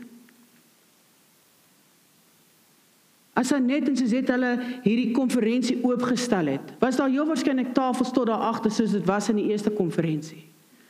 But they had a mandate. And it was God wants to set the fire in the heart of the woman that's going to be here. And then they're going to go out and they're going to ignite the fire in others. But the fire only falls on sacrifice. Not because Jesus' sacrifice is not enough, but because through the laying down of his life, he called the church to lay down theirs. The true gospel of Jesus Christ, the unadulterated, unfiltered, unindoctrinated, is so simple. Those that hold on to their lives will lose it, but those who lose their life for my sake will gain it. Baptism is about the laying down of your life, death to self, to stand up in Christ Jesus. It's all about the only thing God has ever asked a Christian to do is to put the flesh down. Because even love is a fruit of the Spirit, it's not a fruit of the flesh. We cannot have love apart from Holy Spirit. Love is God, God is love. If you do not know God, you do not know love, because God is love. So many of us claim to know Him but live without love. That's contrary to the Word of God. But if you listen to the words of someone else, you could live as a Christian and go to hell. That's scriptural. Because when Jesus said, Depart from me because you practice lawlessness, he was talking to the church, the prophesiers, the healers, the evangelists. He was talking to people doing active ministry. It wasn't just people going to church, it was people actively involved in ministry. He says, Depart from me, you who practice lawlessness. En ek gaan dit vir julle nou in die woord lees en hy you shall not steal. Okay, dan gaan hy hier Do not repay anyone evil for evil. Be careful to do what is right in the eyes of everyone. If it is possible, as far as it depends on you, live at peace with everyone. As jy jouself vandag die vraag kan vra, want ek kan nie vir jou lewe praat nie. As jy jy vandag jouself die vraag kan vra, are you at peace with everyone in your life? Kan jy werklik vandag as 'n Christen getuig dat jy geen offense of unforgiveness of vendetta het teenoor enige iemand in jou lewe? En sê Do not take revenge, my dear friends, but leave room for God's wrath. For it is written, It is mine to avenge. I will repay, says the Lord. On the contrary, if your enemy is hungry, feed him. If he is thirsty, give him something to drink. In doing this, you will heap burning coals on his head. Do not be overcome by evil, but overcome evil with good. What is that good? Once again, as your, as your point of reference, good is not smoking and drinking, then you're never going to walk out the fullness of what God has called you. Because if you love your neighbor as yourself and you love yourself, you won't want to do things that damage the temple. It's a byproduct of love. Dan sê hy in vers 13 uh, uh, hoofstuk 13 Romeine 13 van vers 8 Let no debt remain outstanding except the continuing debt to love one another. Hy sê jy skuld mens niks behalwe om hulle lief te hê. If you truly love somebody, you won't have to go for marriage counseling. Promise you. I'm talking out of experience. If you really love your husband with the love of God, you won't need a pastor to tell you to be patient. You won't need a pastor to tell you that it's a life of submitting one to another. You won't need a pastor to tell you to have patience and forbearance and long suffering to the point where he has salvation. Because the word says, How do you know that your faith cannot save him? Not your preaching, your faith. Let him see what you believe by how you live. You can say, if you stay with him, maybe your preaching will save him, or maybe your judgment will save him, or maybe your laying on of hands. He said, maybe your faith could save him. So, in other words, if you really believe in Jesus, let him see it. How? By loving him. Die eendag toe my man 'n uitbarsting gehad en hy was kwaad, toe sê die Here gaan was sy voete. I wasn't making a martyr out of myself. I'm not preaching in all respect, I'm not preaching stupidity. I'm not saying that if your life is in danger, wash his feet. Okay? But many want to walk out because your husband's not romantic. As die Here vir my 'n man gegee het waarvoor ek gebid het, het ek 'n vrou gekry. Want jy jy weet jy jy jy vra nie um 'n man sit nie heeldag en dink aan rose petals nie, ou. Dit is sewende laan. Uh, die man dink aan die spanner en die wiel en die grease is onder sy naels en hy dink aan die die water en ligte moet betaal word. Don't you see that is beautiful when you can put on the lights and you know your husband paid the prepaid electricity? Or have you just taken that van selfsprekend? Have we stopped enjoying and appreciating the small things that our husbands do for us? Nee, maar ons kyk hierdie goeters en ons vergelyk ons mans met hierdie goeters and we accuse them of porn but we watch our own kind of porn. It's called romance. And because of that, we are getting divorced because we don't love them anymore. Love is a choice. So if you don't love it anymore, you've also chosen to stop loving. That is why divorce, you know that the lawyers, there's two lawyers that send people to me before he, they do the divorce with those people. Because they say, Michelle, you know what? I, I'm not a Christian, don't go to church, but I'm telling you, I can't deal with the amount of people that are getting divorced anymore. Something has to happen that the world is identifying the, the, the, the, the pandemic that's in the church of divorce. And then we're prophesying and proclaiming that we've died to self. Because there's a new age ministry that's coming to make self alive. It says, oh, Owes no one anything but to love them, for whoever loves others has fulfilled the law. So, lawlessness is the fact that you don't have love for one another. That is what Jesus is going to turn the bride away from. The, the, the five foolish virgins is going to be turned away from the door because he's going to say, You know what, you served in church on Sunday. You know, I saw you in hospital praying for the sick. You know, I saw you giving your clothes to the poor, but you had not love. You know, I saw you going to the, the ladies' meetings every Sunday, and I saw you doing all these dedications to me, but you were going home and you weren't loving my son. Seuns. Er Daar's niks erger vir ons as hulle nie oor die weg kom nie. We think we honor God when we think we're more holy than his son or his daughter. Then we do not know the character of our God. He's a beautiful, beautiful God. He came and he could have ridden on a stallion, he could have ridden on a chariot, but he came in on a donkey. He went and sat with the sinners. The church was busy judging him because the love he carried, the church didn't recognize. They didn't know what it was to sit with the poor. They didn't know, the church didn't know what love truly looked like. He was healing on a Sabbath day. And he's saying, But what about the guy being healed? And they're like, But you're doing it on a Sabbath. There was no love in the Pharisee. That's why they were whitewashed walls. 'n wit gepleisterde grafsteen. Churches preaching on the Sunday, laying their hands out in the street corners. He said, Don't go to the street corners and lift your hands and pray. Go to your closet where your Father in heaven can see you. And the, him that sees you in secret will reward you openly. I had somebody ask me the one day, How is it that you got God to, how do you get these invitations to go and minister? How is it that these, these towns have opened their doors? Only God can open doors that man cannot close. You know what it cost me? To die to self. Because not, uh, not only did God get me to die to self in the world and the world stuff and what the world wanted, but even in the church. Because when the Lord started sending me out, many churches tried to swallow the anointing. I hate the term prophetess. I hate the title because man calls you by title, God calls you by name. I don't care what man calls me, I care what God calls me. We have to come back to that place. I'm not saying there shouldn't be titles, just listen to my heart this morning. What's more important to you? What man is saying or what God is saying? Where are you getting your affirmation from? Where are you getting your confidence from? Because if what people thought of me mattered, I wouldn't be able to minister because the majority of the places I walk into, I face opposition. Because it doesn't come in the form that they used to. If Jesus Christ had to walk into the church today, my question is would you recognize him?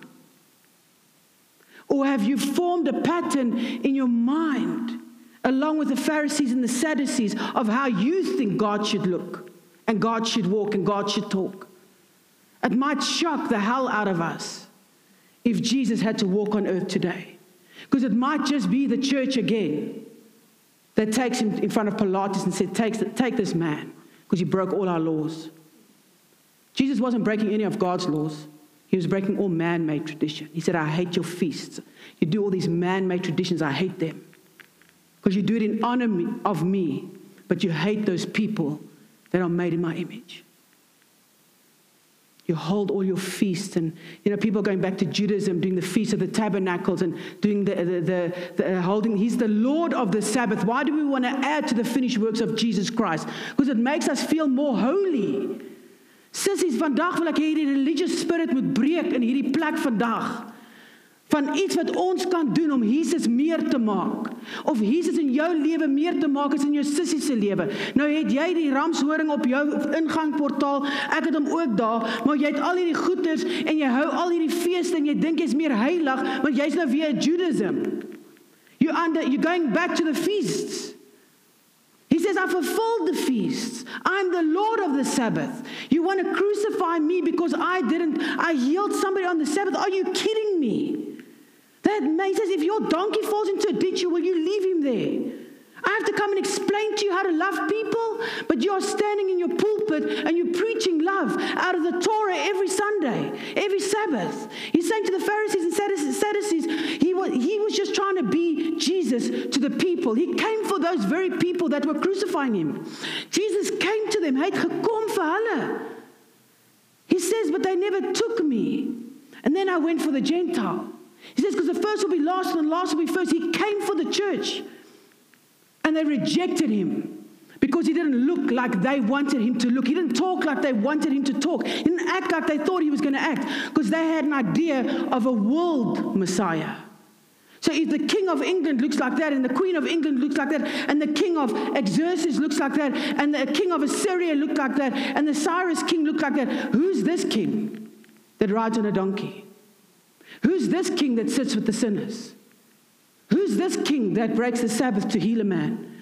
Paul and Peter go and they're walking into the gate of a city, and a man is healed, and they throw him before the judge because who is this that comes to do these things? And they're doing it in the name of Jesus. They don't care that the man is healed, they just care it didn't walk, work according to their program, didn't work according to their pre man made ideas and doctrines. Dit het nie in hulle programme ingepas nie. And you know what they did? The only time the Pharisees and the Sadducees ever agreed on anything was to crucify Jesus. The one that they were preaching about on Sundays. But when he rose up in the flesh, couldn't recognize him. And the amazing thing about our king is he said, I came to be the visible image of the invisible God. He didn't come to make a reputation of himself. He says he saw it as robbery to cling to the fact that he's God. He came and he laid his life down to the point of death. And we take the label, we put Christianity on us, and we lord over people. And we're proud of ourselves while we do it. En ons blaas die ramshoring en ons het al hierdie goeders in ons huis. Maar jou man is so bang om vir jou te sê hy sukkel met iets. Want jy gaan hom weer dalk voor die council vat by die kerk. Ladies, let's get to the point where we just real because we got things happening in our lives. Dit probleme in ons huwelik, ons kinders gaan deur goed. Why do we have to get super spiritual when we come to the house, the hospital of the broken? It's like just let's get together and let's just say we all need Jesus. A pot that has pop in and a pot that has chili sauce in is still pot. No pot has ever been glorified when a chef brings food. Oh, I can't believe the beauty of this pot. Dit is nou vir jou 'n mooi pot. Oh pot, how big you are, full of pop. we didn't oh chili pot. How long have you been potted? Ons doen nie dit nie. Sê, "Jesus, maar hierdie kos is lekker." Jesus, maar hierdie paptert is lekker. We just the pot. How much glory do we want? He is the chef. He's the one that dishes up into the pot. He makes the food through the Holy Spirit. And he's the one that comes and dishes it out through the Holy Spirit. So nou of jy 'n pappot is en ek is meer van 'n pappot of as jy soos daai mooi meisie wat daar sit bietjie meer van 'n klein chili pot is doesn't matter the size the color the origin about the pot. We all just pots in the hand of the potter. And if we get that mindset, ek gaan nooit instap en dink hoeveel beter kan ek as jy wees nie. Gesê, "Chom, ons is hier om dieselfde werk te doen." Die Here gaan dit in ons doen en dan gaan hy dit deur ons doen. En dan begin ons recruitment. Dan sê kom, daar's kinders by die kinderhuis. Hulle kort help. Hulle kort klere. Kom ons kyk wat kan ons doen as 'n liggaam. Kom ons kyk, jy weet in Middelburg, hulle het hulle nou 'n groot Greater Works conference gehou en is awesome. Dit was geseënd. But the streets are full of garbage. When a revival happens in a town, the whole town gets on board and says, "How can we do something to make this a town of God?" Hoe kan ons in ons gemeenskappe verskil gaan maak? That's revival. Revivals nie ontstaan hier en hier kom die goud uit die hemel en is net feather dust en goue dust and if that happens we praise God but we're not coming for the gold dust. We have to understand the greatest work. Ek gaan met hierdie afsluit dat ons lunch kan hê. Jesus het vir sy disippels gesê you will go and do greater works than I have done. Het jy jouself al gevra wat die greater works is? Want Lazarus het uit die dood uit opgestaan. So as jy die, ek dink die die awesomeste miracle wat kan gebeur is iemand wat uit die dood uit opstaan, hè? So as die Here gesê het jy gaan groot werke doen, waarvan het hy gepraat? Because he did the best miracle that could ever happen in the sense of healing and resurrection. There was one thing Jesus could not do. He was without sin. He could not be transformed from the old wineskin into the new wineskin. His wineskin was perfect from birth, and they mutilated to the point of death. Jesus could not live a transformed life because his life was perfect. So he couldn't be a representation to the world of what it looked like when you were in the world, transformed by the glory of God walking in the world now as Jesus Christ. Toe ons tot bekering kom, ons bekering was radikaal. Die Here het ons radikaal uit ons huisgesin en my familie se geestelike oë oopgemaak. Ons kinders het in die gees begin sien. Ons het drome begin kry. It was a radical thing we didn't know it existed. God chose us to give us these gifts. The spirit of God came upon us and our children just started seeing and getting dreams and getting visions and that type of klas van ding. My seun was 17 en hy sit op sy bed en hy sien die wegraping voor hom uitspeel. Hy kom nou net terug van 'n rugby game af. Hy was nie besig om in die kerk te sit en te bid nie. And the Lord came and he radically chose us.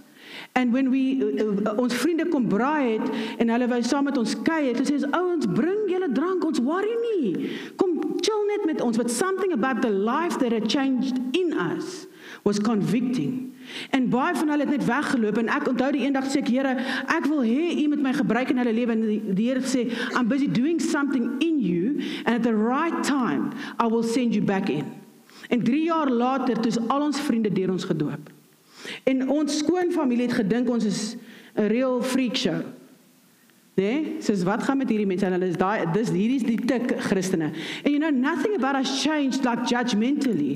Ons het net ons ons kon nie vashou aan die ou lewe nie. God came and radically transformed us. It was like the gospel circumcised us. We died, we were reborn, not perfect, but we turned away. That's repentance. It's not saying sorry God and then still doing it. It's saying sorry God and it's turning away from it. And then asking Holy Spirit to empower you and help you to walk out the new life. En daai selfde skoonfamilie wat ons geoordeel het, van hulle doen missionary werk nou in China en Myanmar. I want to tell you something. You know what? The uh, the one husband used to smoke and God radically just took it away from him. Niemand het van hom gepraat met hom gepraat oor rook nie. The presence of God convicted him and liberated him. He put his smoke down after 30 years and never picked it up again.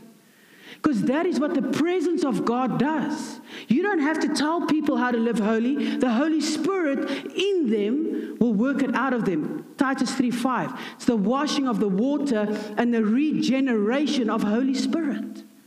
Galatians 5:25 If you live by the spirit you are led by the spirit. 1 John 4 4 Great is he that is in me than he that's in this world. Yes, John 10 10. The enemy came to kill, steal, and destroy, but I don't go from bummer to bummer, I go from glory to glory because Jesus came to give life and life that we would have it to the full. Will temptation come? Yes. Will trials come? Yes. But that is not my life, that's not my outcome. Sissies, die Here wil 'n kroon op jou kop sit because he wants to send you out looking like Jesus. Not like Esther or Deborah. He's using the scripture of Esther to raise people that will be kings and queens on this earth, called to rule and reign in dominion over the works of darkness. By what? Living in light. What is light? It's love. It's as simple and powerful and liberating as the love of God. And he says, the commandments you shall not commit adultery, you shall not murder, you shall not steal, you shall not covet, and whatever other command there may be are summed up in this one command. Love your neighbor as yourself. Love does no harm to a neighbor, therefore, love is the fulfillment of the law. So, if your husband sees true love in you, it's going to be like moth to a flame. Hoekom koop ons nie altyd by die ouens op die straat daai sonbrille want jy het nie dalk 'n sonbril nodig nie. Of jy wil hy wil aan jou car charger en sê jy vir hom nee, dankie, ek het een, nê? Nee? Maar toe ek in Nelspruit was, toe ek 'n sonbril nodig gehad het, toe was daar nie een van daai ouens nie. En ek ry Nelspruit plat vir 'n sonbril. When you when you have something that someone sees in you, they will come. Jy het nie 'n trekpleister nodig nie. Jy het nie al hierdie goeders nodig om mense te lok na Jesus toe. He's not somebody to be sold to people. In fact, Paul said count the cost because no man that builds a building does so without counting the cost first. So ek gaan afsluit met 'n gebed vir oggend. Nobody's going to bully you to lay down the old wineskin. Niemand gaan jou judge of condemn ook nie. Hierdie is nie 'n kompetisie nie. But I cannot afford. You know how much people, churches I go into, and I do altar calls of people whose hearts have been circumcised for salvation, but have been in the church for many years. And that's not a bad reflection on the pastor. It's an unwillingness to die to self. Because he cannot make that decision for you. He's already done it. That's why he does what he does. But we, are, we cannot afford to sell Jesus to people because you know what's going to happen. You're only going to use him when you want something. And when he doesn't come through, you're going to shelf him. Say, nee, ek bid nie, want ek's nog kwaad. Want ek het die Here gevra vir daai promosie by die werk. En ek het gebid my man moet tot bekering kom, al 15 jaar. Dalk was die Here besig om te wag vir jou om tot bekering te kom. Salvation. Die wegspringblok sissies. Dis nie plek waar ons werk nie. You know, sin sits crouching at the door. The enemy tries to come in to see which household he can bring down, né? Het jy al ooit 'n deur probeer toemaak met jou been buitekant? Al ek het dit al gedoen met my vinger in die kar se deur. Het jy al ooit 'n deur probeer toemaak en jou arm is nog uit? That's why the enemy is pummeling Christian houses because the door's open. Why? Because you're still half out. We're either in or we're out. We gather or we scatter. We for or we against. There's no middle ground. The devil owns it. That's why he says, jy maar uh, warm of maar koud. Want hy sê, kom in en die liggie flikker, gaan die vyand jou sien. But if part of you is hanging out the car, that's the part he's coming for. So today we're going to make a declaration in prayer. We are all in. And you are welcome to make a declaration. You are all out. Be honest to yourself today because you know what? It's your life. Michelle's going to stand before God for Michelle. I will leave this conference to the next conference next weekend. Whatever you decide has no bearing on my future, my ministry, or my life. Of jy my blok of delete of add op Facebook het geen uitwerking op waartoe God my stuur nie. This is not a popularity contest. It's the retrieving of people on the way to hell to go to heaven. Ek sê vir my seun gister seun, dit is hoekom. Jou maatjie wat oorlede is, dis hoekom mamma doen wat mamma doen. En jy's in daai boot in Amerika vir daai rede seun. Ja, dis lekker in die Bahamas en jy vang vis, maar vang visse van mense. En ek wil vandag vir julle sê you are at your workplace that you're supposed to be at because you are going to be the one that catches fish. Jy is in die huwelik waar jy is want jy gaan jou man deur jou liefde van Jesus wys. And he's going to say there's something in her life. How is it that when I get angry she's still kind? How is it that when I get angry, she doesn't retaliate? There must be something about these conferences that she's going to that brings life and love. I want to go. Nou hoef jy hom nie te pers om uit die bed uit te klim of om te skop uit die bed uit nie. Now he gets up and I shower and I skeer sy baard want hy kan nie wag om te partake on what you are partaking. The spirit of Christ. So ek wil vandag vir julle uitnooi. En as jy besluit jy doen dit nie, dan bid ek nog steeds na die tyd vir jou because even if you decide he will continue. He will continue to fight for you. That's the God we serve. He loves us so much. He will pursue us. His love is relentless. It will come after you again and again and again. But I want to tell you something that tomorrow is not promised to anybody. And we spend a lot more time and effort building for you. Onto the school of intimacy, en ek gaan nou met dit afsluit. Ons het 'n School of Intimacy in uh Stoffberg gehou laas jaar. Net coming out of COVID and uh, ek wou die skool van intimiteit uh stop. It wasn't intimacy between husband and wife, it was between God and the church. En ek vra die Here verwys het Here, hoe gaan ons hierdie ding laat gebeur met al hierdie reëls? En die Here sê vir my split dit. Maar moet dit nie kanselleer nie. En die eerste aand, die Vrydag aand kom 'n ouer aan my baie laat. En hy sommer so verbou reed. Hy sê jy sal nie glo wat dit alles in my pad geval voordat ek hier uitgekom het nie. Sê nee, prys die Here, jy's hier en die Sondag toe doop hy. Abba se hart kom circumcise oor die naweek en hy doop die Sondag en hy's in die doopwater. En um my man het so ring op sy regterhand wat ek vir hom gekoop het en hy haal dit af en hy gee dit vir die ou en hy sê God has established a new covenant with you this weekend. Twee weke na daardie konferensie kry ons 'n oproep Dis hy ou oorlede aan malaria. We think tomorrow is promised to everybody. Ons dink ons het nog 40, 50 jaar. Ek gaan lewe tot 120. Dis wat ons sê. Oom Dario het dit ook gesê, een van my geestelike paas.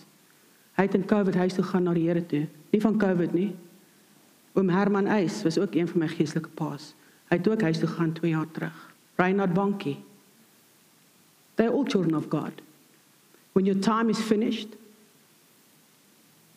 we mustn't be so super spiritual that we neglect the gospel. He said, Tomorrow is not promised to anybody. Today is the day of salvation. That is the gospel of Christ. So we would like another, jy weet, um toe hulle Biden gaan wen, uh Trump gaan wen, toe Abba vir my die woord gegee Biden gaan wen uh jaar Oktober en ek het die uh, when was the inauguration? The year before. En ek het die woord gerelease met ons geestelike familie en baie profete teen my gekom en gesê wie jy om teen die profete te praat en wara wara en die, die Here het vir my gesê Biden will win and watch the weather. En net toe die inauguration gebeur die volgende dag toe gaan daar 'n sikloon deur uh Suid-Afrika. En ek vra Abba what does this mean? And I say it's the holy spirit. Wind and rain says as the enemy has raised a, a song and an echo want onthou Gaga het vir Biden gesing nê she was dressed in the satanic cult dress red and black and she was singing into the atmosphere. That is why there's so much destruction Our children are dying and abortion is legal and pedophilia and child trafficking. Jy weet Suid-Afrika is een van die grootste hubs van child trafficking uit ons land uit.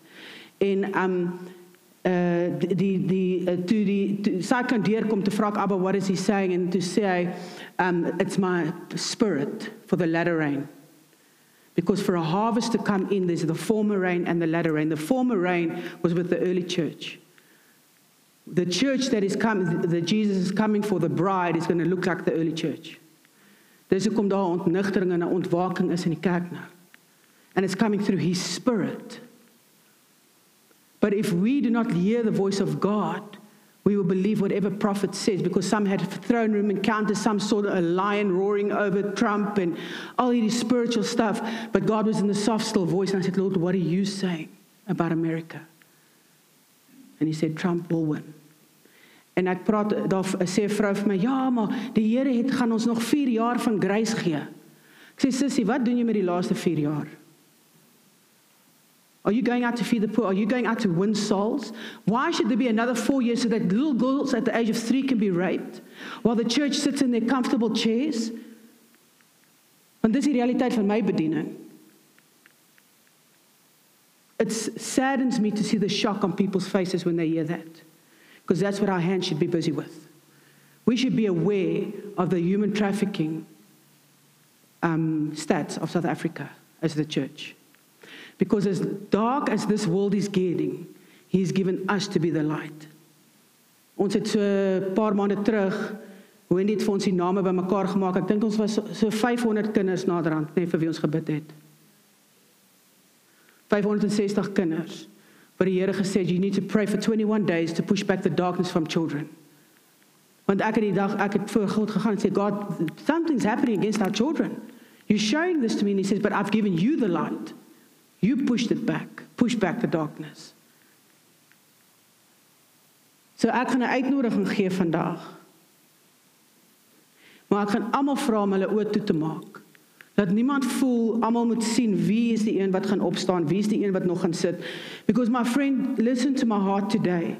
That if you're standing for the sake of people and not God, you're going to do nothing but stand. But if you're willing today to say, Lord, I put down this old wineskin. I put down, I don't need music to make you do this emotionally. You need to make a decision today in the spirit that's going to have an effect on you for the rest of your life, and you don't know how long that's going to be. And so you're not going to make it out of fear, you're going to make it out of understanding the gospel of Jesus that says if you want to be a child of God, you need to lay down self so that Christ can stand up in you. That is Christianity. That's the contract. We have been given a covenant, a new covenant, because the old covenant wasn't good enough. So a new covenant came. Jesus Christ, He fulfilled everything through His blood. He paid for all sin, even your, your spouses, even your children, even your in laws. He paid for all sin. He says, Now you die to this old man. Put it off so that you can stand up in me. And together we will push back darkness. Together we will have dominion over insects and over animals. And we'll have dominion over the works of the enemy. And we won't be a church living in defense of Satan's works the whole time. We will be a church that's walking to gain ground in territory, to gain back dominion. When they look in the open eyes again, the tra- trafficking syndicate in South Africa has been closed because the church of South Africa stood up and prayed against it. And one prayer of one righteous man avails much. Imagine if 10 come. He says, Anything concerning me, if you come together and you pray that thing, it will be done for you by my Father. We've been praying for breakthrough for ourselves, praying for the next job, praying for our husband, praying everything in our prayers is rooted to ourselves. It's time for our outputting, our outworking. Father, I just come in the name of our Lord Jesus Christ, Yeshua HaMashiach, Christ the Messiah, Jesus of Nazareth, Son of God, Son of Man, fully man, but uh, fully God, but became fully man to show us the ability to overcome the works of the enemy.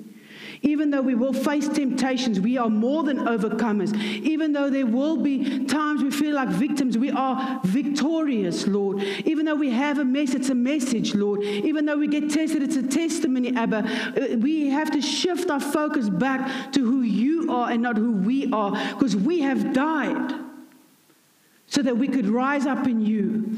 Lord, today as I make an invitation, Father God, it's not about how many people stand up, because they're not standing up in front of me to prove anything.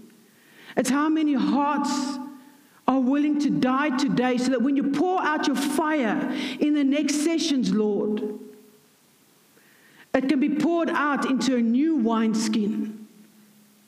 Lord, it doesn't mean that we need to be perfect or sinless. It doesn't mean that we need to be this person walking uh, high holy, it just means we need to be dead to self. A dead man cannot be offended. A dead man cannot be afraid. A dead man cannot be greedy. Lord, all you ask of us, because Jesus has done the price, He's paid for every single thing, every blessing in Abraham is given through the seed of Jesus Christ. Every good and perfect gift comes from the Father of lights. Every miracle is worked through the hand of God. My prayer today, Lord, as I extend this invitation, is that you work in the hearts of your daughter, that you draw them unto yourself. Ek gaan julle nou vra, jy voel vandag jy wil hierdie ou wynvel afsit. As, you, as we're going to stand, I'm going to do a counting and say maybe to the count of three. As we're going to stand, I'm believing God for a miracle in the prophetic today. Intercessor told us that there's angels standing here because God has assigned them for specific purposes. And if you don't believe in that, you need to read the gospel. He has assigned his angels here today for the works that He's prepared since the foundation of the earth. And I'm willing to do it for one person that would stand up today. To say, I'm willing to lay down myself. I don't know what that means. I don't know what it's going to look like. I don't know what God is going to ask me to lay down. But Romans 12, 2 says, Don't be conformed by the ways of the world, but be transformed by the daily renewal. So today it's an instant death, but transformation is a process. But he cannot process a, a, a patched wineskin. We need to count the cost today. We need to make the decision are we in or are we out? We need to make the decision are we laying off the old wineskin? So I'm going to count to three. I'm actually going to count to five because I want to do the representation of God's grace. Because Jude says those that preach that God's grace is a license to live immor- immorally is a doctrine of demons. Lord, I come by the name of our Lord Jesus Christ. And as we count, Lord, and prophetically your grace is poured out over my sisters right now, I just feel your presence here, Lord. That you're looking at hearts, that you're looking at minds, not the perfection of it, just the yieldedness, just the willingness to say, Lord, I come today and I lay myself down, that Christ Jesus may empower me. One, two, three, four, five. Lord, thank you so much for every single woman that has stood up today, Lord. Because, Lord, one person can change a nation. One person, Lord, one person that says, Here I am, I will like Angus Buchan led hundreds of thousands of men to you, Lord. One person, Lord, it takes one person that says today, Not my will be done. Jesus said to, G- to you, Lord, Take away this cup of bitterness from me, but not my will, your will be done. And I thank you for each and every one of my your daughters today, my sisters, my partners that are going to take hands with me into the field Father, I thank you that you're coming, Lord, and you're releasing mantles of ministry. I thank you that you're coming and you're releasing the words of mothers of nations, of disciplers, of fire starters, Lord. Father God, you're calling them up out of the miry clay and you're putting their feet on the rock. 1 Peter 2, verse 9 says, 2 Peter 4, 9 says, They are your royal nation your chosen priesthood. You've taken them up out of darkness into your marvelous light. Lord, I see in the spirit how the angels are just coming. Ek weet ons moet nou lunch, but I just feel Holy Spirit is busy with something now. Ek sien verskillende klere mantels and I'm praying that the God will confirm this word that people don't think it's my vain imagination. I see different colored mantles. I see some of them have different gemstones on. I hear the scripture, you will be a crown of splendor in the hand of God, a royal diadem, a displaying of the world to see. Ek sien van julle lyk soos parels wat uit die oester se mond uit kom volgend. I thank you, Abba Father God, you are doing a new thing. There's a new sound in the Spirit. We want to come and give you all the honor and all the glory and dedicate these next two sessions to you, Lord. These women will walk out here today, and it'll be like when Moses came down the mountain. The people that see them will know that they have been with the Lord today. Thank you, Jesus. I give you all the honor and all the glory in Jesus' name. Father, we pray for the food. We bless the hands that prepared it, Lord. We thank you, Father God, that there will be multiplication. And I thank you, Father God, that every woman will go home today and pack an extra lunch box for somebody and get in the car and drive out, maybe even take their children with and go give a food to somebody on the street today as one prophetic act that the kingdom is of abundance. In Jesus' name, amen. So,